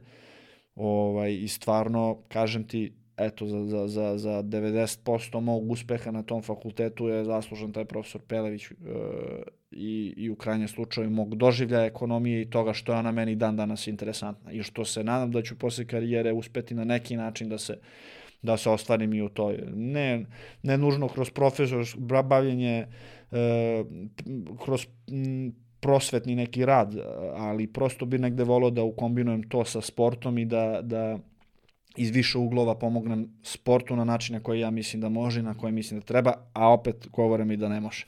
Da, opet, Tako da, opet to je dobar znak. poglavlje za tebe. Dobar to znak, je... znaš, dobar da, znak. Da, da. I raduje me u krajnjem slučaju i to šta me čeka posle karijere. Mhm. Znaš, imam sva, znaš, mnogi, mnogi sportisti se pa i ne snađu, znaš, na, kasnije ja ne znam kako ću se snaći, ali, ali, ali svakako me raduje i to poglavlje ovaj, u, u mom životu, profesionalno, ovaj, da kažem. Da, da. Sad moram da te vratim mnogo unazad. Slobodno. Ali sam te pratio sve vreme i prvo moram da odmah da ti ispravim i možemo da uđemo u, da, u argumente, a to je da definitivno ne znam koji bi skandal bio zanimljiviji od ove sada priče, koja je, koju si ti sad meni ispričao, ne znam koliko je prošlo, možda 7-8 minuta, ali ovu cugu kako pričamo sada, ali uh, koji skandal može da bude? Da, dobro. I pritom ova priča nije Ja sam cela. zato- da. Ovo, je, ovo su sad, sad smo pre, prelazili sa teme na temu. Uh, jako, mi, je- jako mi je važno da mi kažeš šta je najvažnija stvar koju si naučio od svojih roditelja, s obzirom da je bila toliko teška situacija, s obzirom da si bio, po znacima navoda, u velikom hendikepu kada si se pojavio u Beogradu, kada cela situacija sa, rekao si, finansijska, uh, sa celom pričom Bombardovanje, školu, san, uh, inflacija, znači to je stvar, stvarno jedan težak, malo sam te sad ja presekao, ali čisto da te ovaj, uh, znači jednostavno ne samo ne za moju porodicu, to je za ono ozbiljna, ozbiljno teške godine za srpski narod. Znači 90-ih rat u Bosni, o, gde su moji došli u, inače moj otac je, kad je kretao svoj život, on je kretao od nule pa nešto napravio, pa zarobljena stara devizna štednja, pa izgori sve što je, bukvalno sve da je mislio da je uložio sigurno novac koji je do tada zaradio, inače vozač profesionalni u penziji, ovaj, radio je u Iraku jedno vreme za, za, firmu koja je tada tamo nešto, nešto radila. Ja sam inače rođen u Pragu jer je opet tada firma imala neki projekat tamo dve, tri godine pa i majka bila sa njim. napravi nešto i onda opet te život tako i šamara i, ovaj, i, i, i samo te izbaci iz koloseka i onda Da, opet da. krećeš od nule, znaš, i, i ima ljudi koji su uslovno rečeno više napravili uh, kvantitativno od mog oca, ali, ali mislim da 99% tih ljudi koji su više napravili da su išli njegovim koracima da, da ne bi stigli ni dokle. To je baš nešto kao što, pogotovo mi kao deca ta, takvih roditelja, ja se sećam kada je bila poplava i moja majka sad bili smo preko puta, ovaj kuć, pošto nama kuća cela bila poplavljena i moja majka plače. Ja kažem, "Ma šta ti što plačeš, sve, sve će biti okej. Kaže, ne mogu treći put da izlazim iz kuće.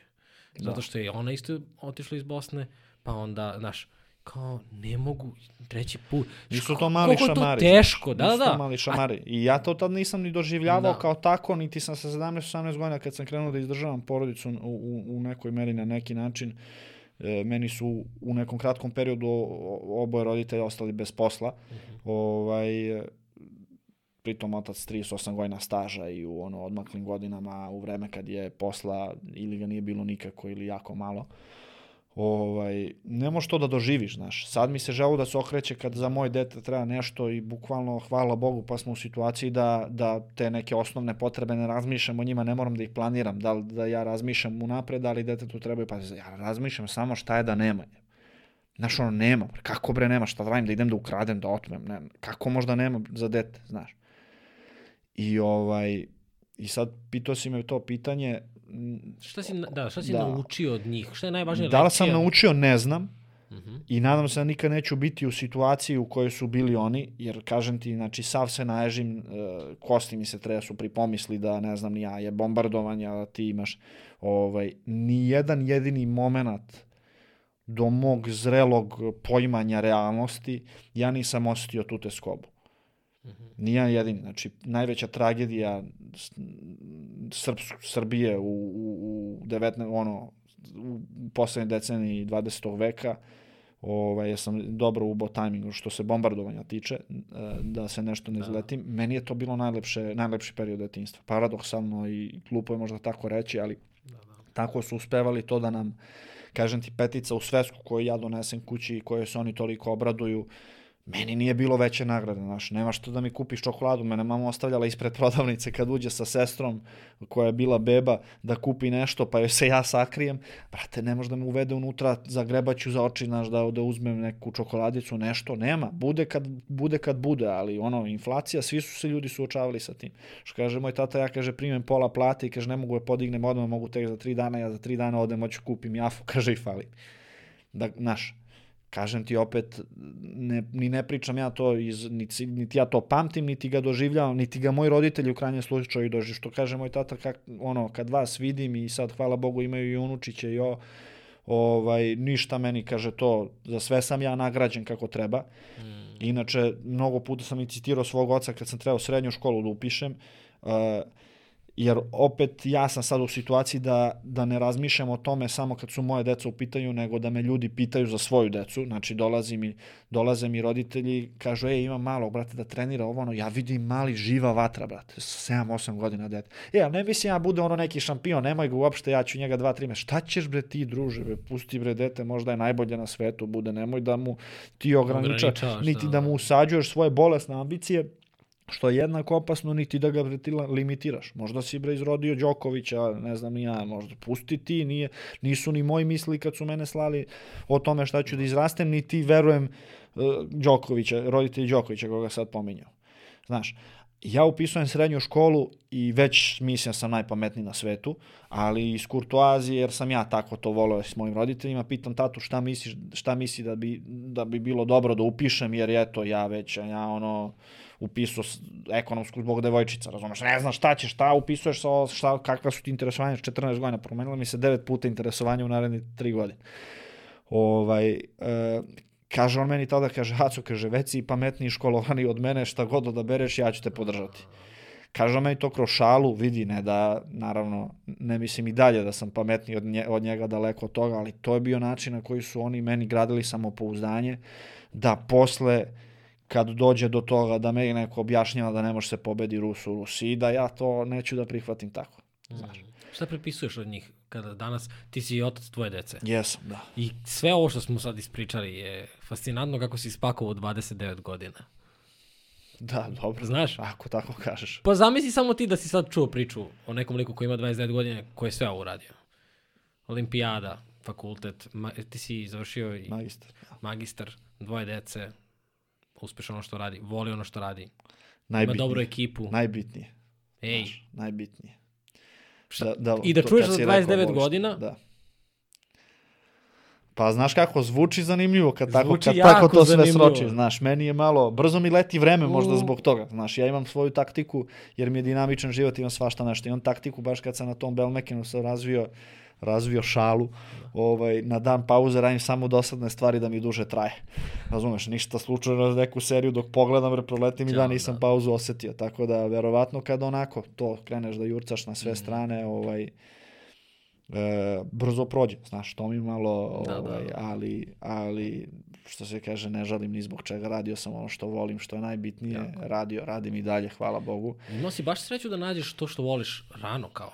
Jer malo pre ono što si rekao kao A potpuno... ja mislim da je malo drugačije, znaš. Ajde da čujem. Ja, ovaj, bukvalno 90% stvari u životu koje sam se uhvatio da radim, ja sam ih zavoleo. Znaš, to je isto dar koji, koji nije, kako ti oso, neka osobina kojom se treba hvaliti, ne pričam ja da sam lep, e, imam plavu kosu, slomljen malo nos i tako dalje, što priča Čuvarko Đorđe. Nego, jednostavno sam zahvalan Bogu na, na, na daru da, da, jer super je kad ti uspeš da nađeš nešto što voliš i kreneš to da radiš, ali iz mog ugla je mnogo lakše da ti uspevaš da zavoliš nešto što kreneš da radiš. Znači ti meni ne znam koliko, ne znam kakav poslić neki da mi daš, ja ću nešto da krenem da čačkam, prčkam, da nešto tu zagrebem ispod površine, da ja učinim, to meni bude interesantno.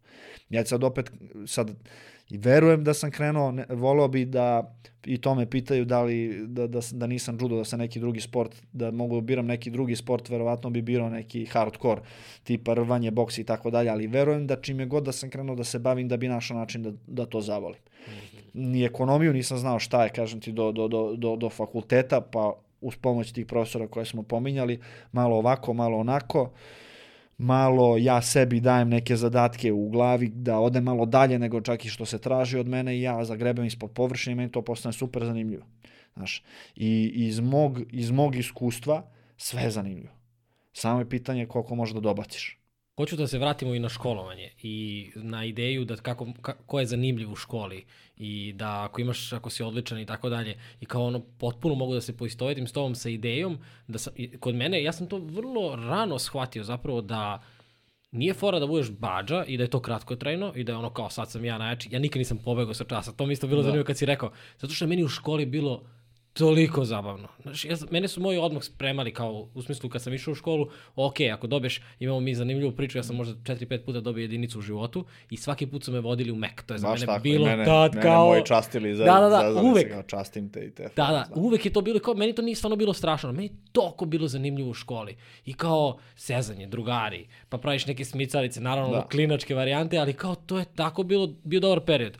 I ja se sjećam, recimo, ja, ja sam igrao folklor dugo, I onda kao prođeš kroz osnovnu školu, a igraš folklor, devojčica, a ovo, ja, sve to kasnije, onda sad meni danas drugari, ono, igrao sam s- 18 godina skoro, meni danas drugari kao, brate, ja sam bar igrao 5 godina, sam proputao da vidim nešto. Znaš kao, To ali kasnije dođe na naplatu. Tako Samo je. je. teško da ti objasniš detetu koje u tom momentu to proživljava. Jer opet se vraćamo Mm. da i ljudima u zrelom dobu je teško da se fokusiraju na nešto kad ne vide instant rezultate. Znaš, Ali razlika je ti kad voliš, evo ti recimo sada podcast, to je prva stvar sa kojom ja mogu da se poistovetim i da kažem ovo je, ovo je moja stvar. I kao ja sam snimao, mi smo krenuli u 2019. u augustu, ja prvi put u životu stavim ispred, ispred mikrofona na ovaj način. I ja nemam rezultate do decembra 2020. Znači do pre mesec, mi sad snimamo, sad je koji dan, 14. 15. Mi snimamo 15. januara. Ja prve velike rezultate im, im, sam imao pre mesec dana. 12. decembra je krenulo. Bum!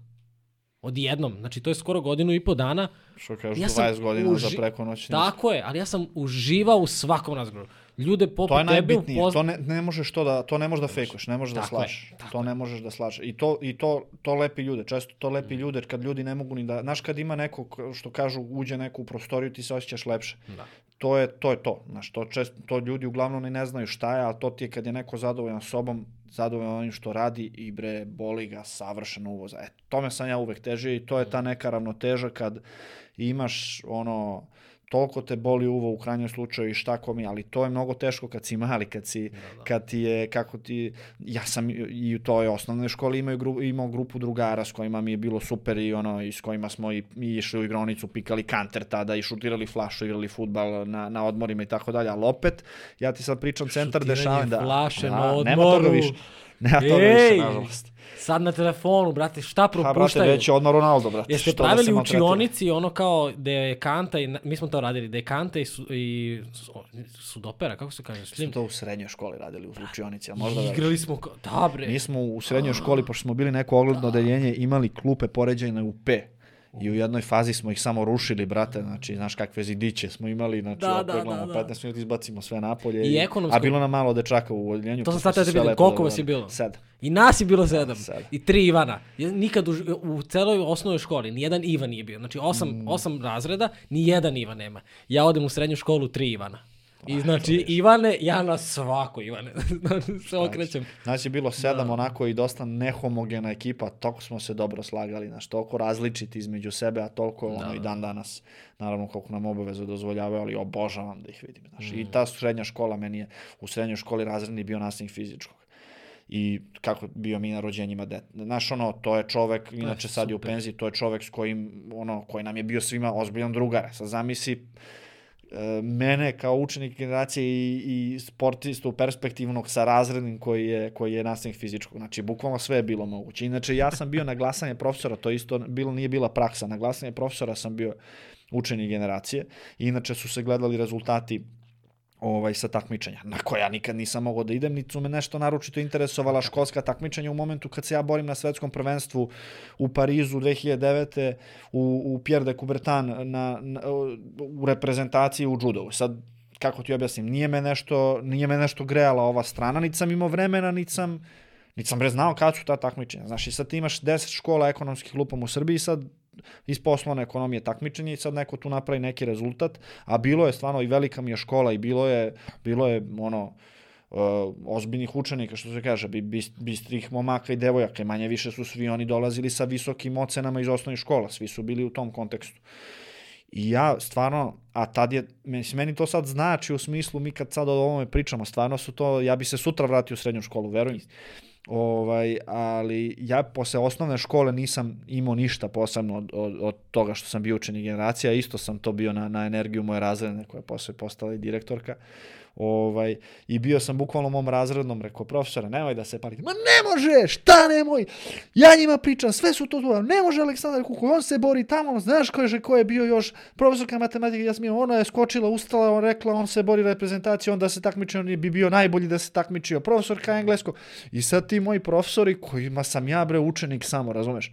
Tamo se džapaju sa grupom od profesora, od 100 profesora, kojima ono, koji ne predaju ni meni, ni, ni tim mojim uslovno rečeno konkurentima u tom momentu, profesori začuđeni, ono, po čemu buka bilo kakva, jasni su nam ono, ko je 5.00 ulazi u najuži krug, ko ima rezultate, on, on je učenik generacije zdravo. Zbog čega se diže nekakva buka, bukvalno, nikom tu ništa nije bilo jasno, ali toliko sam, znaš, toliko sam ih, stvarno sam ih voleo, bre. volim ih i, znaš, ono, Baš se vidi ti- dok pričaš. Ma ne možeš da veruješ. Ose, kao, ja zamišljam slike sada to, a vidim da i ti vidiš te Ma ne možeš da veruješ. A, znači, to kakav, ono, Kako kakav odnos sam imao sa profesorima, ono, ne smemo o, ni da pričam, ni da pričam o pola toga.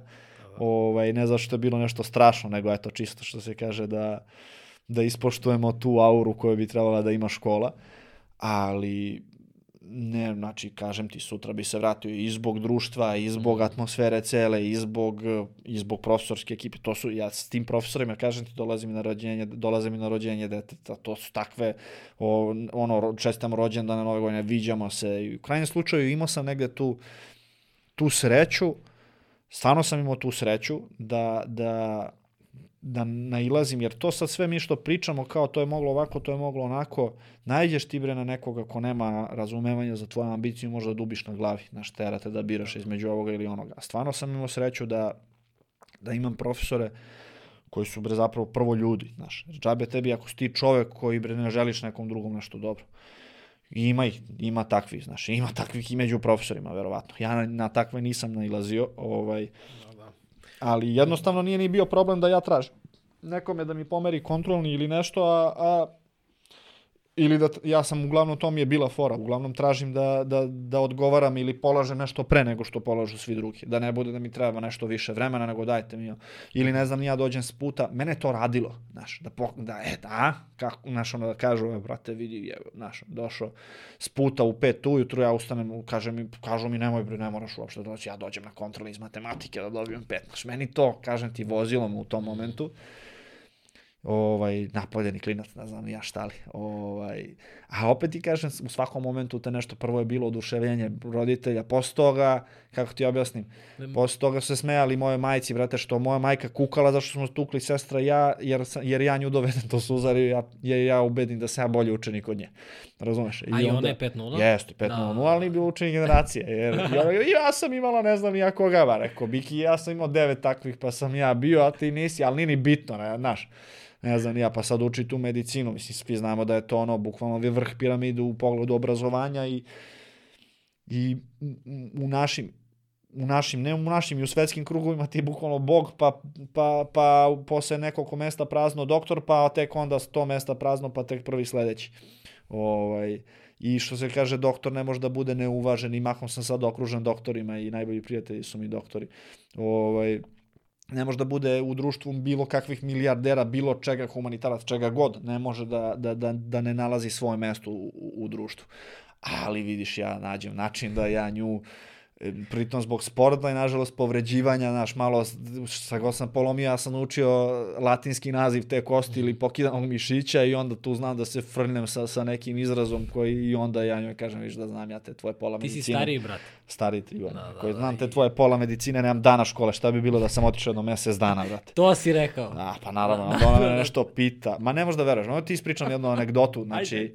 Prva godina moja sestra na medicini, a oni u prvoj godini ih baš terorišu da bukvalno isfiltriraju da vide ko je za to ko nije. Ona uči anatomiju, vidi, ne možeš da veruješ, znači, i tu sam ja stvarno video da, da je taj fakultet stvarno kakav bi fakultet trebalo da bude. Ne bi trebalo da bude, ti upišeš faks i sigurno ćeš ga završiti. Samo malo se potrudiš. Znači, bukvalno to, ako nisi za to i ako ne voliš, ne možeš da ga završiš. Ne, ne možeš da, se, da, da dozvoliš sebi u, u svom životu godinu dana ono što smo malo prepričali, da ne voliš, da ne želiš to, ne možeš to da podneseš. Ona danima, to je šest meseci, taj neki dvosemestralni ispit, nisam ni siguran kako to funkcioniše. A sad ja na nozi imam neki jako izražen mišić koji se zove vastus.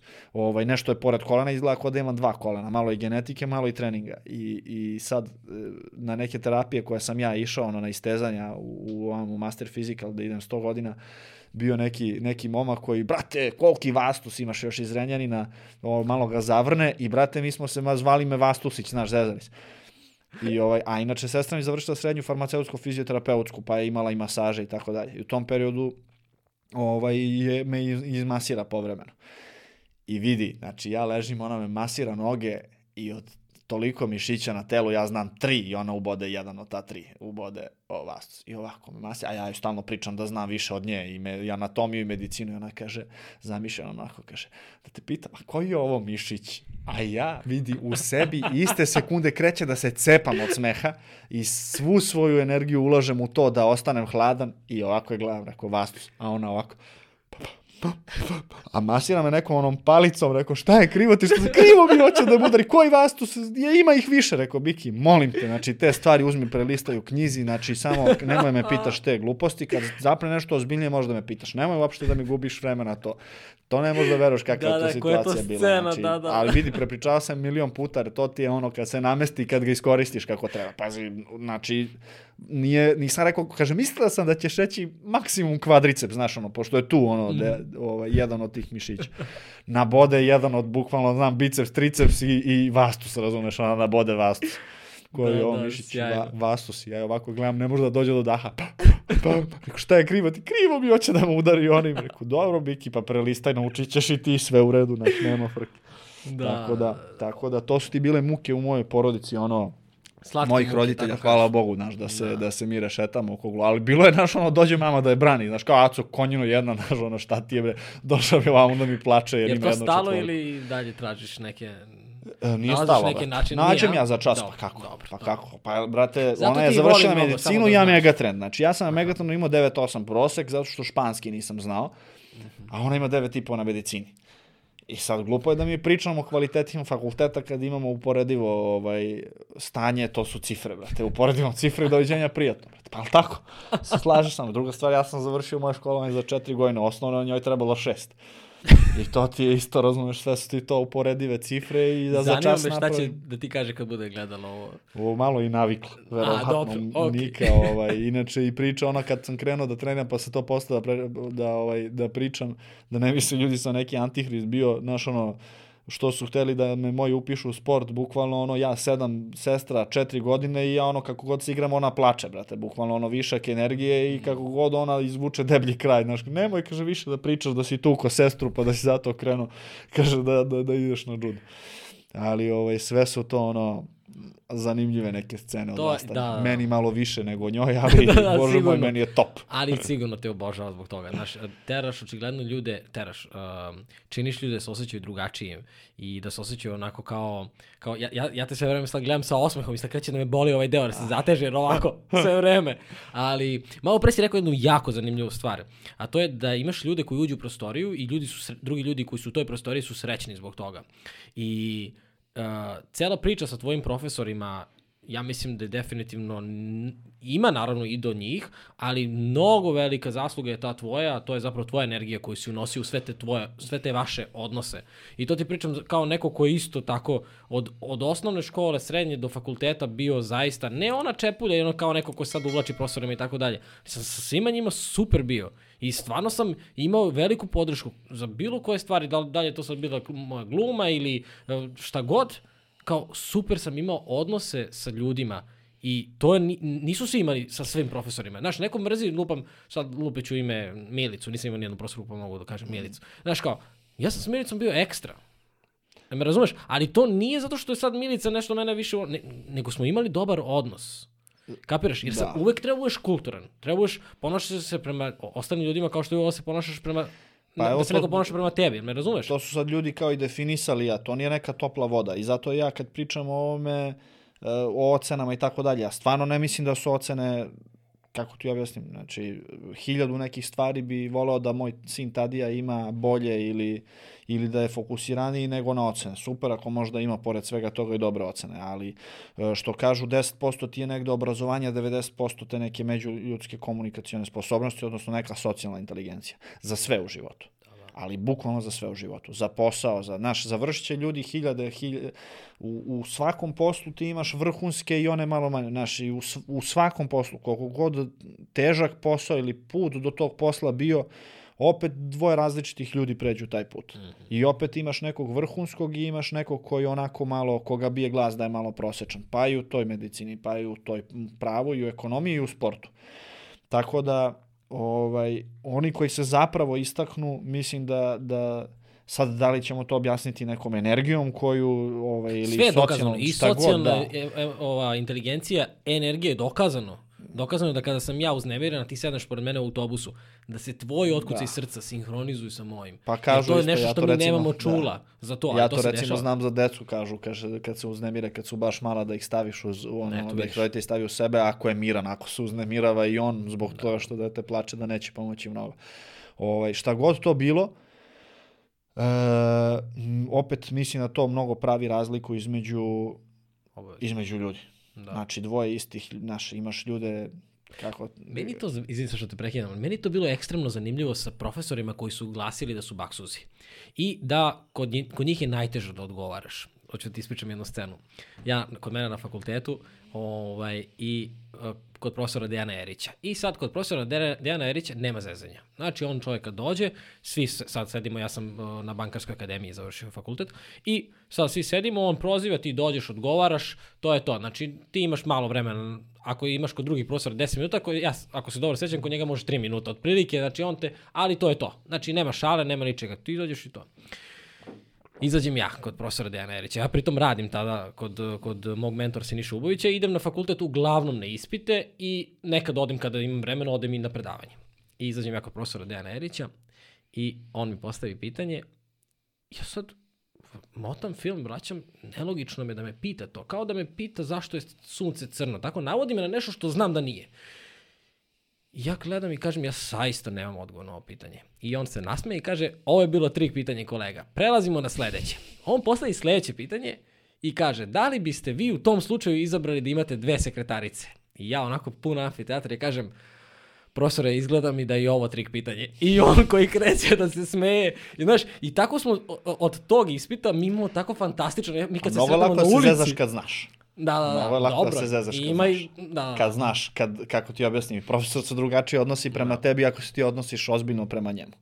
Znaš, tako da Mm. mislim da, da je to onako... Ali koliko su to dobre, mislim ti kao odnosi i kada imaš nekoga ko, ko kome dozvoliš da, ti, da te upozna na taj prijatan način, Da. da. ko kasnije veruje u tebe. Znaš, mi imamo dogovor kao kad budem počeo da zarađujem više od 3000 evra mesečno, idemo na ručak jer toliko je bila godina na fakultetu. Znaš, ti si malo pre rekao da si imao stipendiju od prve, isto da. priča, isto sam tako otišao, znaš, kao nešto potpuno, kao ja sam, sad ne znam da ćeš se ti prepoznati u tome, kao ja sam od uvek verovao da sam ja obrnuti paranoik. Ja verujem da god da uđem, da ljudi hoće da mi pomognu. Da je sve okej, da su, znaš, svako od nas ima tu neku dobru stranu, kao što Pa svako da, ima ja sam stranu. i bukvalno ono, ako, dobro, ako kogod da je tamo, na neki način ću ja njih da pridobijem u Da. tom nekom Da, da, kontekstu, da. znaš, ali ne nekom, aj uslovno rečeno, man, na neki manipulativan način, nego na, na stvarno ono, zapravo Na drugarsku ti- priču. A što kažeš, ti sad pričaš trik pitanje, naš profesor Dejan Miljković je imao, ovaj, inače on najviše vole da se šali od tih profesora, a ozbiljan genijalac, inače bio mi mentor na diplomskom,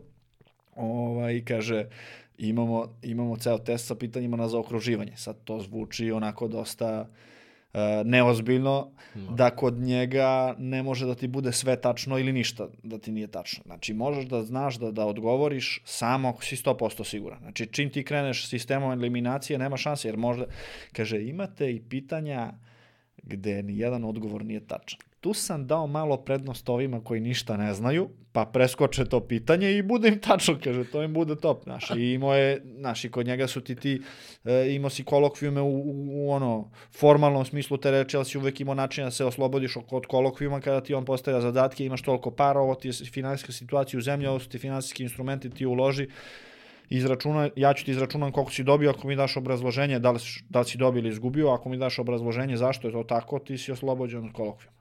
Na stranu i da li si dobio ili izgubio. Bitno mi je da znaš šta se tu tačno desilo. Baš su nas stimulisali da, Kreativno ovaj, razmišljati. da razmišljamo kako treba kad je u pitanju, da razmišljamo drugačije. Ne, ne može, ne, niko ne može da nauči kako se pare zarađuju. Ali jednostavno kad vidi, kad gledam, kad gleda dobar ekonomista, e, i dobar hirurg, doktor ili ne znam, sportski lekar, jedno telo sportiste, ekonomista vidi čoveka nagruvanog, ovaj vidi koju povredu imao i šta je imao i da li je kriv, da li je ovde, šta valja, šta ne valja, isto tako i kad vidiš ovaj tamo ćošak, dva različita čoveka, ekonomista gleda kako bi on mogao malo produktivniji i bolje da se iskoristi, dok ovaj vidi, ne znam, ja nešto peto. To ti je to, ti je to, to ti je to kad, kad zagrebeš ispod površine, u svakom poslu, u bilo kom poslu, ti si našao sebi neku strast u, tom, u, u, u ovim čime se baviš. Ja, to meni ne bi bilo opredeljenje, ali verujem da kada bi krenuo time da se bavim, da bi našao nešto što bi mi bilo super zanimljivo. I tako, i sad, hvala Bogu, ja naravno mogu da biram nešto što mi je i na oko, naš, ne idem da probam nešto što mi na oko nije zanimljivo, ovaj, ali nekako mislim ja da moram da perem sudove, veruj mi, po ceo dan da bi ja našao da mi je nešto tu zanimljivo. Naš, To je jednostavno- dobar, da. dobar stav prema životu, znaš. Pa baš to, ali, ali potkrepljen je time da, ok, matematika nam dosada, matematika, meni nekako ja nađem način da mi bude zanimljivo. Mene profesor recimo traži donekle e, u tom zadatku, to ja ne razmišljam da se limitiram na tome, lupam, da nam neke dve promenljive u ekonomiji koje menjaju neke stvari, ja sebi uvrstim još četiri promenljive, jer u ekonomiji je to realno, što bi isključili ovo, što bi, a isključuje se zbog ono, ispitivanja konkretnog uticaja nečega, pa isključujemo sve ostalo.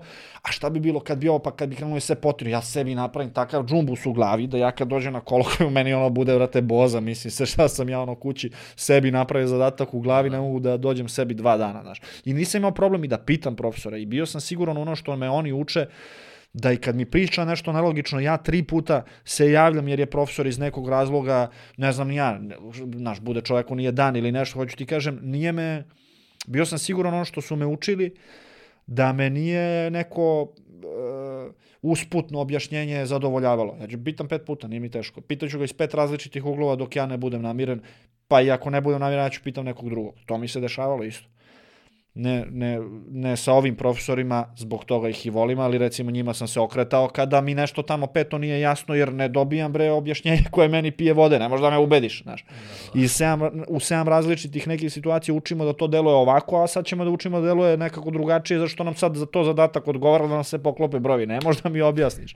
Pa mi onda oni objasne zašto, da je to tako, ali zašto je to tako, onda ja budem ovaj, okej. Okay. Tako da, ovaj, mnogo je bitno, naš, mnogo je bitno da voliš to. Što se kaže, život je, vrati, sam po sebi već dovoljno težak i nepredvidiv, znaš, ako, ako još ako još ne voliš to što, što sport je nenormalno težak. Pa i sve ostalo ako hoćeš da budeš vrhunski samo pravnika ima mnogo više, pa ovaj, i pravo, znaš, kad meni pričaju pravne, no, koji bude, brate, do ozbiljan pravnik, pola zakonika ni ne zna, zašto može uzme da ga pro, pro, preči, pročita, ali kako on to tumači, kako, kako ga, razume, kako da. ga iz kog ula, kako ga upotrebi, to je nešto, onda gledaš Suits koji, ajde, nema nekih ekstremno seriju Suits koju sam ja gledao. Yes, o, koja priča? Ovaj, kažu da nema nekih ovaj, prevelikih eh, veza sa realnošću, ali opet vidiš da to, znaš, naprave ljudi na bazi prava seriju koju ti onda kao gledaš, znaš. Mm. Tako da sve može da bude zanimljivo.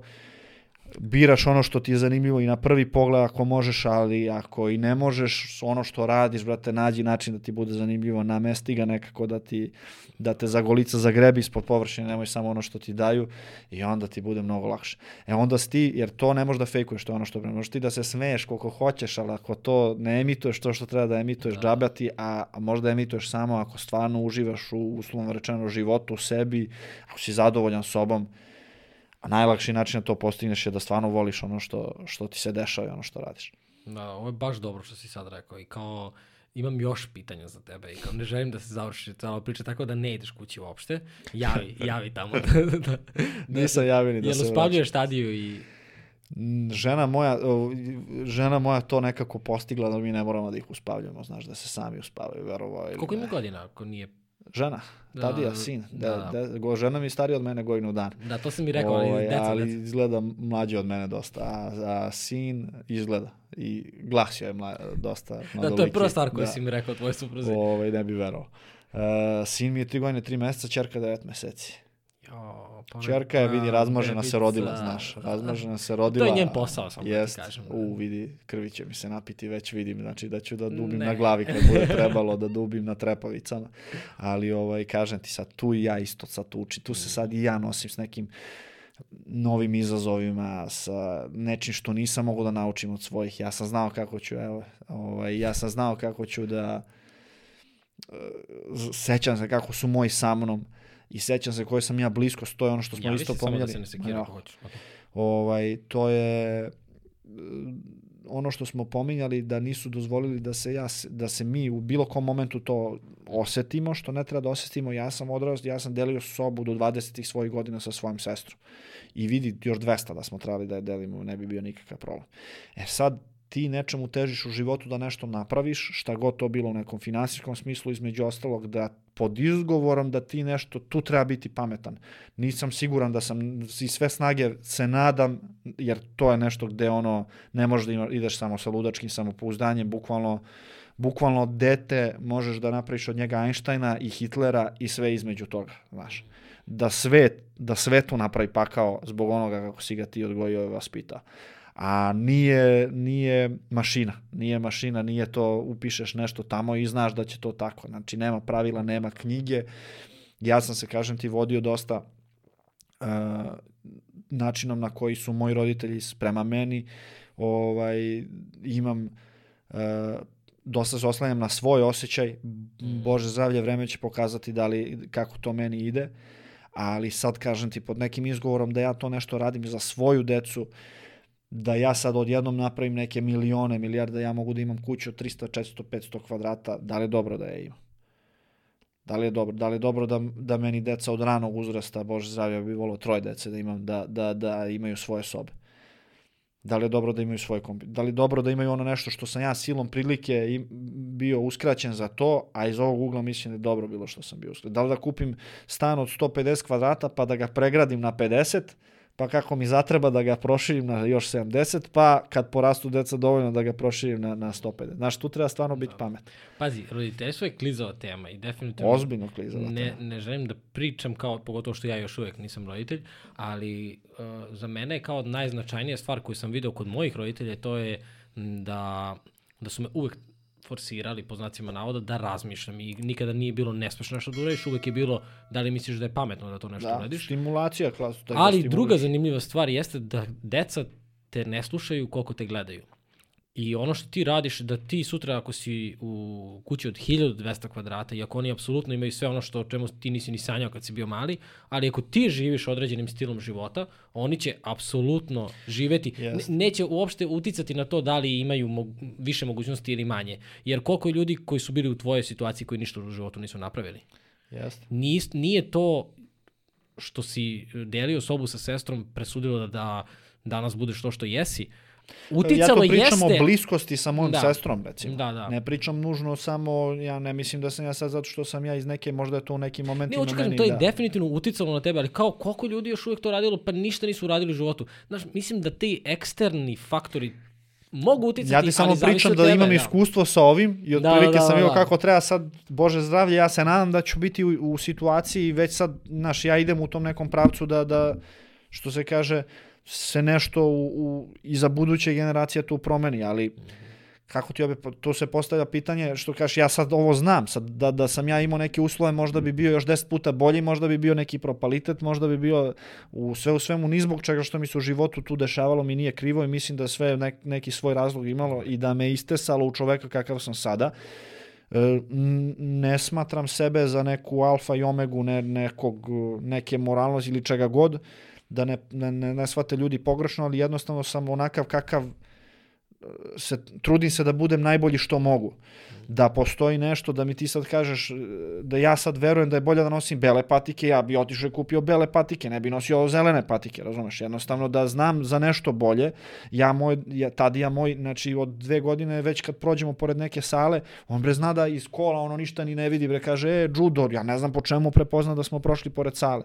On je u sali prohodao, ja ga dovedem tamo, to je njemu tumba se, ničeg se ne sekiram ni ja, ni on, pobacamo igračke i on to obožava da sam ja svirao, što da sam muzičar, da sam glum, verovatno bi nešto drugo radio, verovatno bi neki instrument, prosto ja ga usmeravam na ono što ja mislim da je što ja, u šta ja verujem i ono što ja mislim da je dobro i ono što, što, u šta se ja razumem.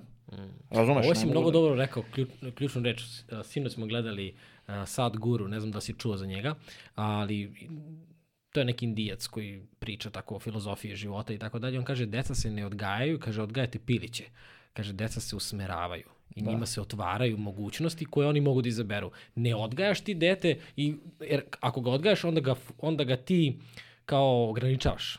Znaš, Jasno, zanimljiva ga na svoje domete i na, da. i na ono je. u šta si ti uveren. Ja, i, ali kažem ti opet, ti ga usmeravaš, ali to usmeravanje ne mogu ja da ga usmerim u pravcu koji ja ne znam. Koji ja ne znam da li je dobar ili nije, ili u, tokom pre, u, u pravcu u kome ja nisam siguran da ću moći da mu pomognem i tako dalje. Sad opet tu se vraćamo da li onda to uzgajanje ili usmeravanje. Ne mogu ja da mu, da ga, e, ne, ono ima sad tri godine, da, da ga ja učim da voli muziku, učim ga ja da voli muziku, ali kako ti objasnim, ja mu ne kupim gitaru jer ja bre ne znam ništa s njom, razumeš? Da. A iako mislim da je to ono sjajna stvar i, i, i ono ne bi imao ništa protiv da sam ja muzičar ili glumac ili šta god u krajnjem slučaju. Jednostavno i okreće mi se i u stomaku i kad čujem ono ja sad čekam da moje dete napuni 18 godina pa kao da ono samo odluči.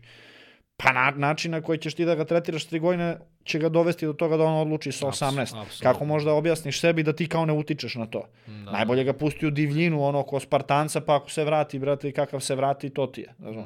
Mislim, normalno je da potpuno mi je nenormalno, nego bre neophodno, ne može drugačije da roditelj deo sebe implementira u to dete. Razumeš? Jer jednostavno ja ću to dete implementirati sve ono što mislim da je dobro i što mislim da je najbolje, jer da bilo što mislim da je nešto drugo bolje, ja bi to drugo. Kako ti objasnim? Ja sada mislim da je muzika dobra, da je bolja od sporta, ja bi ga na muziku. Da mislim da je, razumeš o čemu ti, pri- ne mislim da je, mislim da je to sve tu negde jednako, samo, samo je ovo moja uska erija ekspertize, što se kaže. I ne bi ništa imao protiv da danas sutra se od, odluči za bilo koji drugi put. Ne bi mu zabranio kao. Ma da, šalim se, da. šalim se. Imamo, ima svu slobodu, samo neke džude. Šta god, Da, da, da, koji da, god hoće sport, samo neke džude. Ali, Šalim se. ovaj, da li drugi sport, da li, mislim da je sport dobar. Ne mislim nužno ni da je profesionalni sport dobar.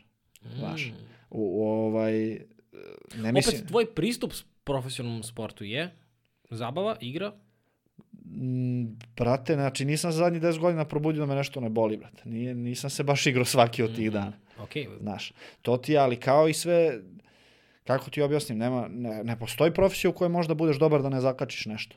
Znaš, advokat, ozbiljna, mislim ozbiljna advokat, čovjek koji se bave, to ti recimo njima ti je da povise ton. Često da, ne znam, ni ja, imaju neke druge stresove. U sportu ti je manje više stres, pored tog psihičkog ovaj, imaš i te neke, o, u opisu poslati da se povrediš. Prosto ne možeš da isključiš to kao mogućnost. E, Kad si šofer, imaš kriva leđa. Znaš, sve nešto čime se intenzivnije baviš, ti nosi nešto svoje. Ali svime možeš da se baviš na neki način da te na isto psihički baždari.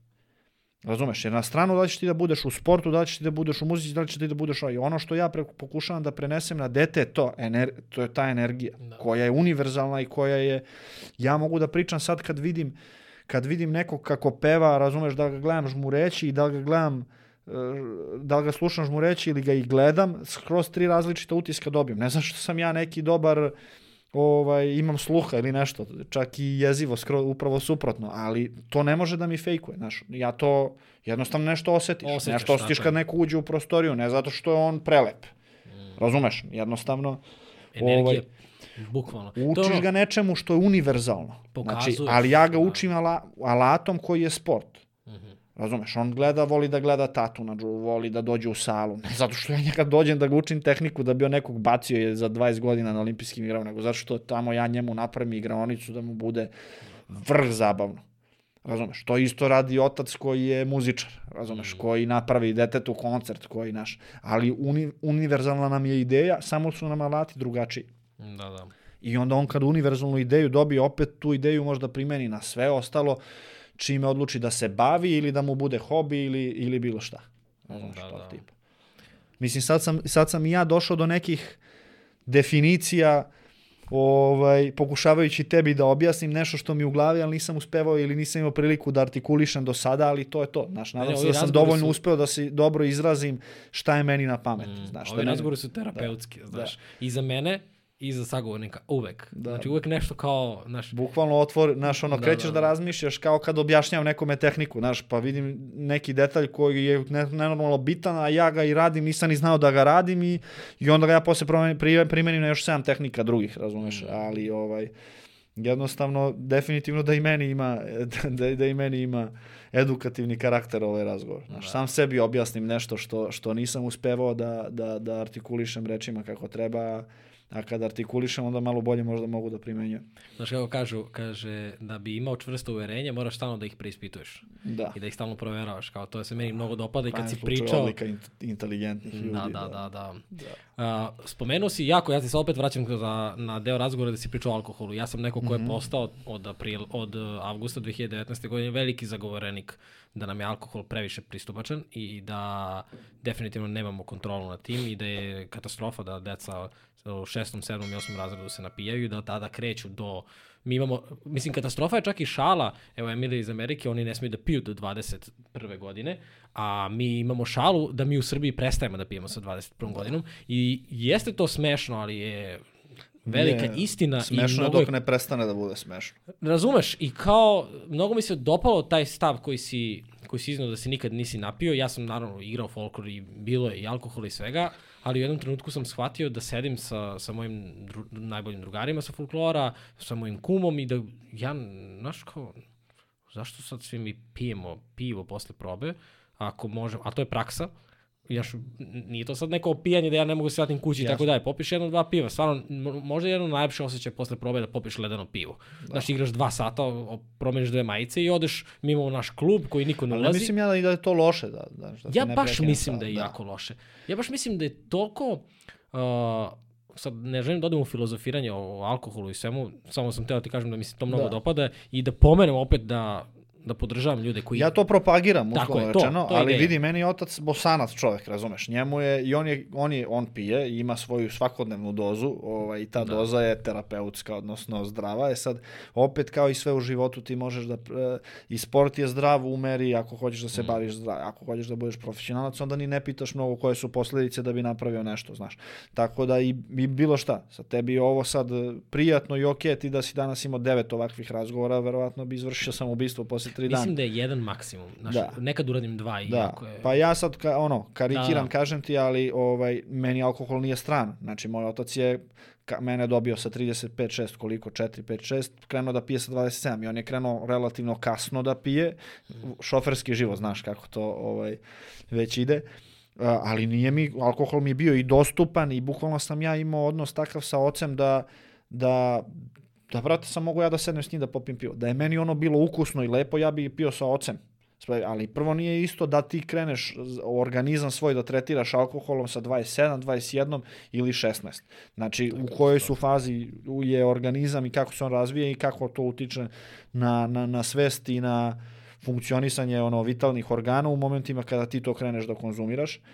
Druga stvar, ako kreneš da ga konzumiraš u neko periodu, ja sad pominjem Ameriku gde oni su smislili da je to 21 godina, opet i to možeš da radiš na nenormalan i neumeren način i na umeren način. Znaš, tako da nisam ja sad to je ovo sad, da li sam ja, pored svega ovoga što mi sad tu kao nabrajamo, nisam ja neko ko je po PS-u sad strogo i meni da se to svidalo, nemam ništa protiv da se popije povremeno, da je to ako je to nekom prijatno, da stvarno nemam ništa protiv, znaš. Ali recimo protiv cigara sam nenormalni zagovor, znači to nikako ne mogu da razumem. A, a majka mi je pušač isto od kad ja znam za sebe. Znači, ovo, aj nešto ti uradi, nešto ti preduzme sa mozgom, pa ti bude nešto, ovaj, nešto ti lepo opustite. Meni između ostalog nikad nije trebalo nešto da me opusti. Ja sam bio uvek opušten kad sam u društvu ljudi koji mi prijaju i nisam bio opušten onda kad nisam ni želeo, da- kad mi ljudi ne prijaju, tad i ne želim da budem opušten i ne želim da popijem nešto da bi ja bio opušten jer mi atmosfera ili ljudi ili šta god, ne ne prija nego ne mogu se opustim, nisu mi poznati šta god to, od, od toga bilo. Ali brate, cigare, da ti platiš nešto, da ti budu žuti zubi, smrde, prsti, smrdi garderoba i nešto ovako i baciš i nisi šta pojao, nisi šta popio, to ne možeš da mi objasniš, razumeš, da nekom to, niti da je neko prvi put u životu povukao dim i rekao, je, što je ovo dobro. Znaš, Da, to se sigurno nikad to znači se Da, daviš da, prvo da, na silu dok ti ne probiješ i onda postaneš zavistan. To ne postoji šansa da je nekom to prijelo od početka kako prijemu nikotin ili nešto, jer posle oni pričaju kako ih to opušta. Meni je to puštalo prvih 20 pakli dok si, dok si popušio. Ali aj na stranu to, nećemo ni Ima protiv zanimljivo za duvanske cigare isto. Meni sad tata skoro prestao i, ovaj, i kao potpuno je drugačije u kući, hvala Bogu konačno.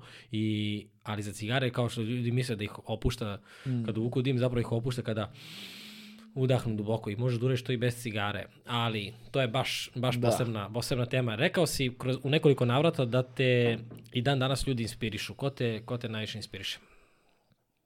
Pa, uglavnom su to ljudi oko mene, znaš. Ljudi oko mene, a ako nisu ljudi oko mene, jer jednostavno biram, brate, s kim ću da... Ovaj, a ako nisu ljudi oko mene, može da bude sve. Bukvalno. Evo sad da ne, budemo, da ne bude kliše varijanta, ali ajde igrom slučaja, igrom slučaja e, moj drugar sa, s kojim treniram u istoj teretani, on nije profesionalac, on je profesionalni muzičar inače, ovaj, mislim da svira bas gitaru i mnogo je ozbiljan u tome, a ovaj, družimo se jer se viđamo u teretani, teretanja je neka malo ono, privatnih tipa manja je na zakazivanje i tako dalje. Ovaj, često smo u istom terminu i već godinu dana vežbamo u toj teretani, tako da mogu i reći da smo ovako i okej. Pa igrom slučaja je njegov prijatelj, ovaj momak, ne znam da li si ispratio što je sad na Zvezdama Granda otpeo, napravio senzaciju, bog zna kakvu. Nisam. Uh, Isak se zove tako nešto, prevo, pevo je, peva, peva rock. Treba da, treba da ću da pogledaš. pogledam, da, Pogledat da. ćemo sad kad završimo Može. ovo. Bukvalno sam ja bio dva, tri dana, ne znam čoveka, nikada se nisam razumem u pevanje, ništa, ništa, ništa, ali čoveka, znaš, i tamo oni čak ni ne uspevaju, ni, ne, ne da oni ne uspevaju da definišu ja sam pametan pa ja uspevam, nego jednostavno ja sam nekako otkrio šta, šta mene uspe da nije to što on dobro peva, razumeš, nisam ja merodavan da ja procenim ko dobro peva, nego je to to, znači čovek toliko uživa u tome što radi. Toliko uživa u tome što da sam ja bio tri dana pod utiskom.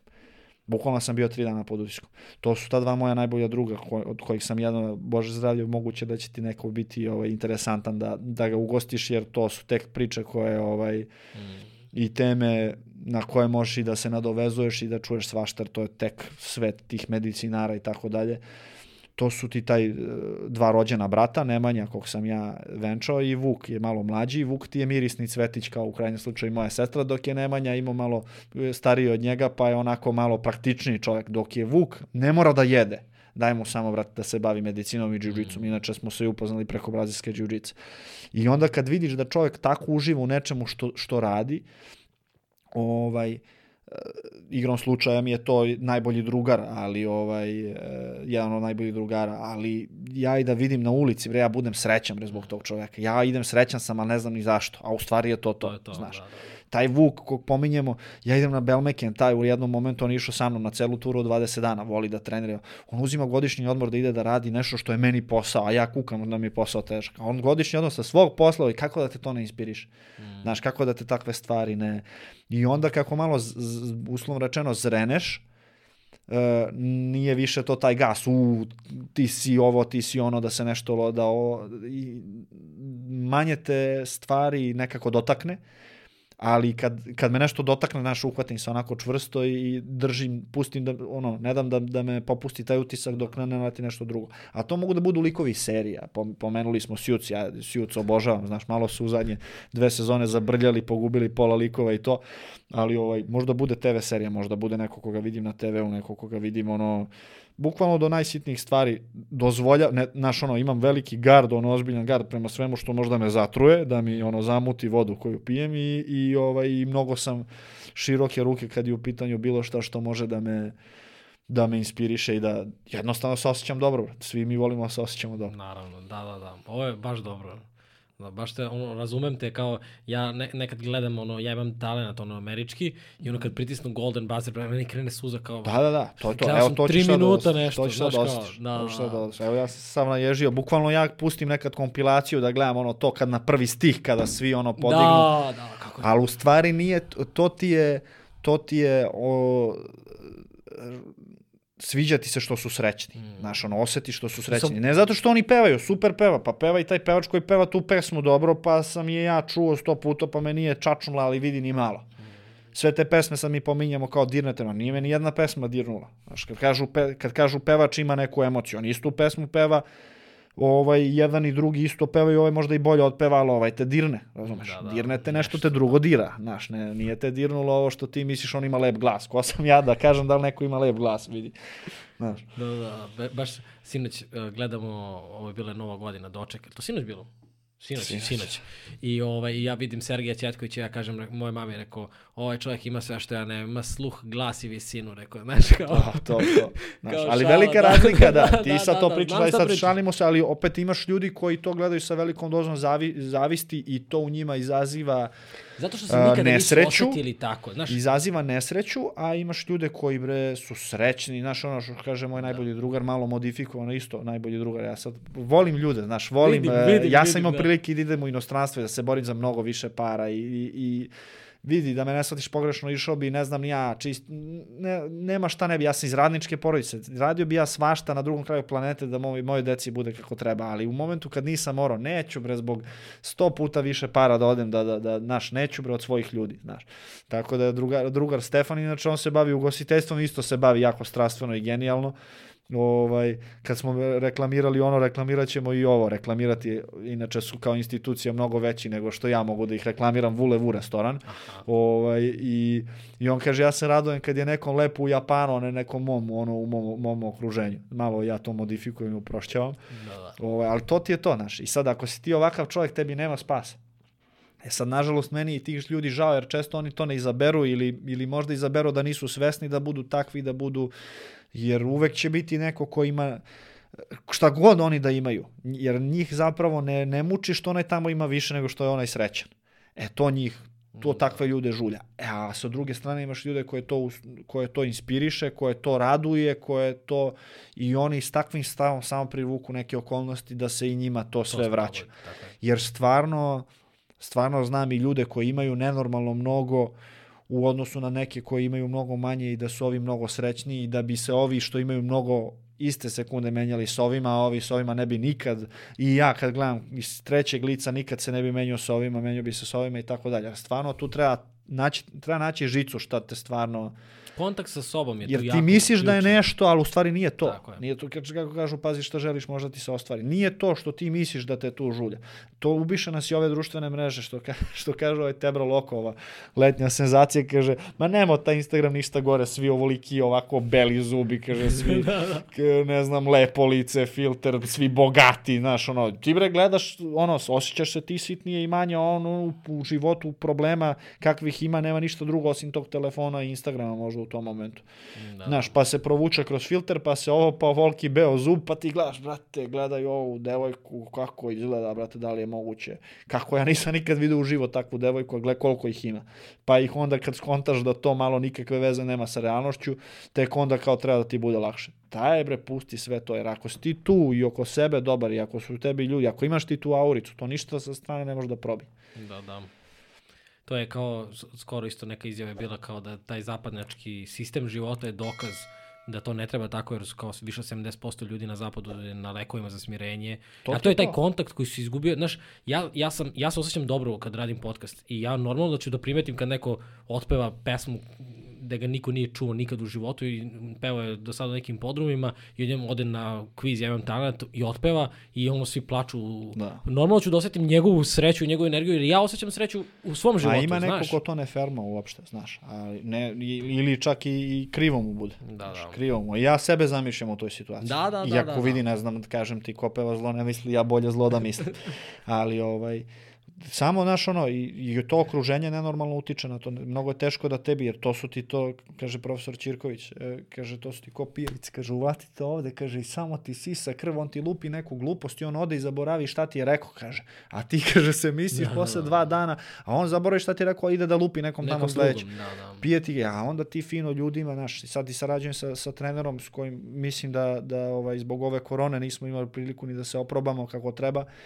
To ti je čovjek inače u, u nije klinac, što ni 46 godina ima i veliko iskustvo i trenersko ima. E, znaš, kad smo mi na treningu, ja nemam osjećaj da bi on volao da bude na bilo gde e, na svetu radije nego na tom treningu. Mm. Znaš, e, takvi ljudi ti trebaju u okruženju. Znaš, Da. takvi ljudi ti trebaju u okruženju. Ne onaj s kojim ćeš da sedneš, on misli o nečemu. Pe... e, Jer svi mi tražimo za nekom srećom. E sad samo, nažalost, ne uspemo da definišemo često, mislim i ja isto nisam, ja sad kao ja sam najsrećniji tip na svetu, razumeš, daleko od toga. Nego u nekim momentima se pogubiš i pomisliš da, je sre, da ti je stvarno sreća nešto što u krajnjem slučaju nekad i stigneš i kažeš, pa ma, op- opet se nešto ja ne osjećam. Izgleda sam nešto ja promašio, znaš. Ajmo dalje, onda ti hoću milion, uzmeš milion, uf, da mi je 10 samo, da mi hoću, ili još gore, hoću 5000 lajkova, 10.000 lajkova, 20.000. Nažalost, to nam je postala sad te društvene mreže i to svašta nešto ide preko toga, pa ti na taj način možeš stvarno i da zaradiš i, i, i nekako i da se približiš svojoj publici, da iskomuniciraš sa ljudima i da pošleš poruku kakva god ona bila, da li promiskuitetna, da li, da li kakva, uslovno rečeno, treba da bude, šta god, ovaj, i to možeš koristiti dobro i loše, ali imaš ljudi kojima je to posto život koliko Da, je da, imao, da. koliko je da se uporedi sa nekim drugim i misli da je, što kažu, kuka i onaj što ima pet lajkova i pet hiljada lajkova i oni kuka je samo da mi je koji lajk više. Znaš. Stigneš do nečega i vidiš da te to nije baš grelo, a ti onda nastaviš da stremiš na još više, na još više, izgubiš vreme, izgubiš život, izgubiš sreću, pre svega, u to tražeći nešto što, a vidiš da te ne, ne ispunjava, nego misliš nisi dostigao dovoljno. Znaš, to je, ovaj, to su neke neobjašnjive sile, kako kaže one. Znaš, treba da, da, da budeš sam sa sobom. Kukaju ljudi sad, korona, naš, bili, nećemo, rekao si, nećemo te teme i ovo, ali zatvoren kući, kod, ono, naročito sa onih početaka, sad na stranu, sad šta se dešava, koliko, koliko je mene nerviralo što ljudi to što su, što ne može da bude sam sa sobom, što mu smeta, ja to ne mogu da verujem. Znači, ja svesno odem na taj Belmakin da budem sam sa sobom 20 dana. Mislim, sam sa sobom. I sa troje, petoro ljudi koje ti odabereš, razumeš? Ja svesno odem i super mi je i uživam, razumeš? Da ljudi ne mogu dana da provedu Pa ne zato što da... nisu imali dana prakse da budu sami sa sobom, znaš? Ne znam. Ne Ti znam. imaš ljude koji funkcionišu, u, ustane, ujutru upali TV, pogleda vesti, ode na posao, uh, bude na poslu ceo dan, vrati se kući, gleda TV pre nego što zaspi, pre nego što se omami. Da li će da popije alkohol, da će se najde slatkiša i tako, samo da ne bi bio, znaš, da ne bi bio, da ne bi, koliko ljudi ne zna ni kako diše. Znaš, znaš koliko ljudi nepravilno diše. Lupam Da, sada kao jest. pri, ali mislim ti znaš kao sportista koliko je to važno. Ali ljudi nemaju naviku da budu sami sa sobom zato što ne žele da se suoče sa zanimljiva stvar koju si rekao sa društvenim mrežama. Ti imaš kao, to je jako dobro objasnio James Clear u uh, mislim da je on Atomske navike napisao knjigu, ali ja sam ga slušao u nekom podcastu, gde kaže da ti imaš kao određenu emociju, određen problem sa kojim nećeš da se suočiš. I ti zbog toga što nećeš da se suočiš, kreneš da gradiš neke slojeve i to ti je društvena mreža. To ti je želim više da radim, pa imaš dva posla, pa želim ovo, pa želim... I samo ideš želiš sve da se ne bi... I gradiš neku sliku o sebi, neku masku, Da, ima da smisla. ne bi se suočio sa nekom emocijom koja je nisam dovoljno dobar. Na primjer, Da. neko uverenje koje, su, koje imaš ili tako nešto, me razumeš?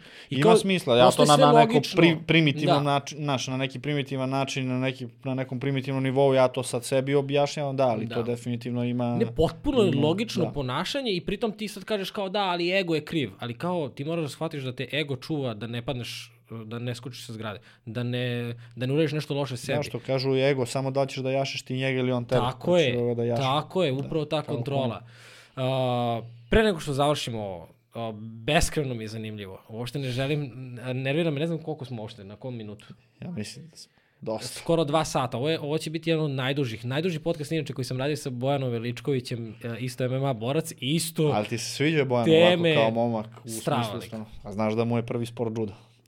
ja to iz ugla judiste. Znate ovaj, vas dvojica? E, nisam sad čak, ako mi veruješ, ni siguran da sam imao priliku da ga upoznam lično, znamo ovako jedan za drugu, ja za njega znam sad, Da, da, ovaj, za ovo bi morao car. njega da, ali sad ja kao poštovalac borilačkih sportova generalno, ovaj, i sad naravno sam pristrasan kada je judo u pitanju, volim da se poponosim kad god ovaj, neko na pravi način prezentuje borilačke sportove, onda tako i, Da, da. i, i moj sport. Imam samo još jedno pitanje za tebe. Uh, šta te navelo da kreneš se baviš judo? šalim se, šalim se. Kad si Uh, krenuo? sa- da, da, da. Kad smo na kraju radili. Sala, uh, rekao si mi da si otvorio svoju salu. Kako ljudi mogu da se prijave tu, da li držiš treningi? Koji je koncept Da. cijele priče? Je, to sam ja otvorio sa ta, dva, dva brata uh, kardio i neurohirurzima i to se isto sve nekako se to sve sklopi, sklope se okolnosti. Ovaj, ima već, boga mi, dve godine. O, meni je ideja negde bila da neko vreme pre kraja svoje karijere krenem sa nekom svojom judo školom jer bi volio da se bavim i trenerskim poslom ili menadžerskim poslom Ovaj, kada je judo u pitanju, da, opet pomerim, pokušam da pomerim iz nekog drugog ugla celu judo sliku i ceo judo u Srbiji, jer opet kažem ti, mnogo sam pristrasan kada je taj sport u pitanju. Meni je mnogo dao i mnogo mi je svašta nešto i dao uslovno rečeno loše, odnosno tegobno, ali da sad treba na papir da potpišem da to stadija sve prođe isto za ovo što sam ja dobio od judo, a iste sekunde bi potpisao.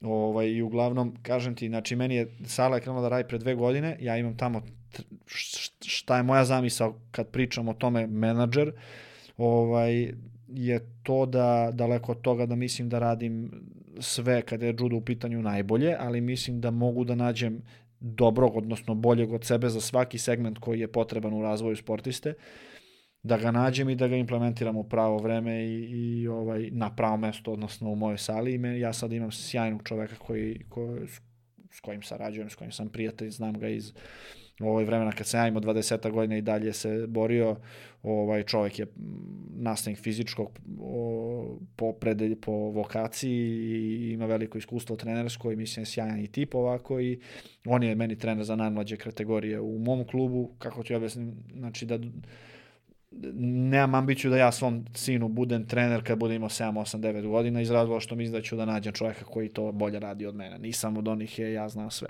Znači imaš judo klube, sam ti Imam judo klub, da, u toj sali, znači to je sportska sala na Banjici u sportskom centru ovaj, Banjica, uh, koju sam ja otvorio sa ta dva brata koji su iz srodnog sporta brazilske džiu na kojem smo se, na kom smo se mi i upoznali u krajnjem slučaju pre 7-8 godina, ovaj, za odrasle radimo jiu-jitsu, za, za mlađe naraštaje radimo judo i pored toga tu su nam prijatelji ovaj, iz MMA sveta, Savo i Vas otvorili svoj klub u našoj sali, tu imamo i jogu koju sam ja krenuo da idem još 2015. 16. Ovaj, pa smo Moj pa sam čovek, razgovarao sa njima da, da, da krenu, pošto bila mi je stvarno velika želja da imam i, i, i jogu i kad već imam jogu, da imam te ljude s kojima sam ja ovaj, radio nekog od, od njih.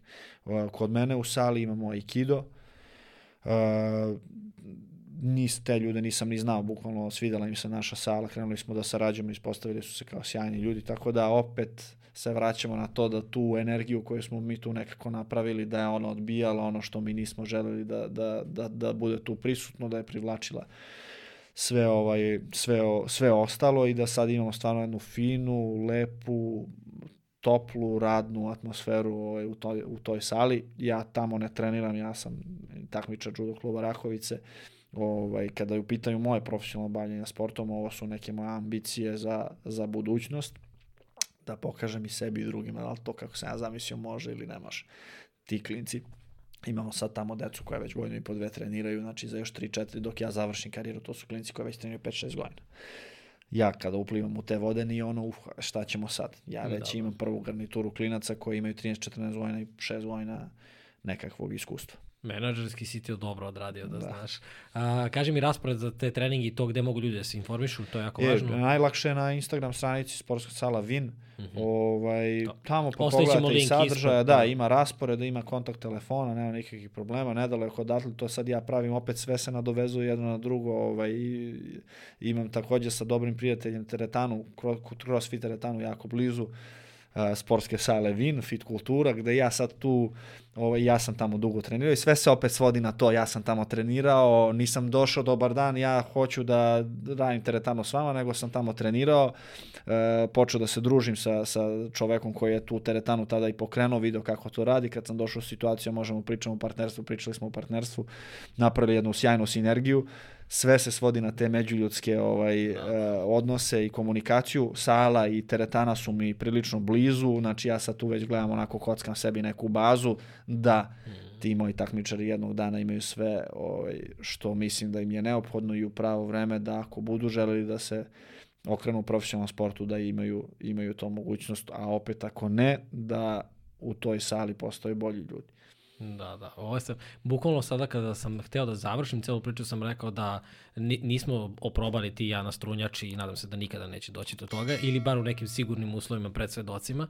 Ovo, šalim se, ali naravno ono u što ne sumnjam jeste da svako ko dođe u dodir sa tobom postaje bolji čovek. Eh, I ja sam... To ja sam putovao uh, sa folklorom, dosta sam obišao, mnogo ljudi sam upoznao, išao sam na sve silne studentske razmene koje sam mogao, živeo sam u inostranstvu, ovde sam gostio mnogo ljudi, nikada nisam upoznao čoveka kao što si ti i hvala veliko ti. ti hvala, stvarno. Mogu si samo da mi kažeš da sam lep, da mi bude veći kompliment od ovoga što si dao, inače ovaj, šalu na stranu, to govori nešto, hvala ti puno, znači da ne patetišem što se da. kaže dalje, ali, ali veruj mi da, da to, to što si ti sada rekao, znači bukvalno je kompliment koji, koji prevazilazi sve ostale, jer znači mnogo šire od, od bilo kog drugog koji se kaže u reč dve. Da.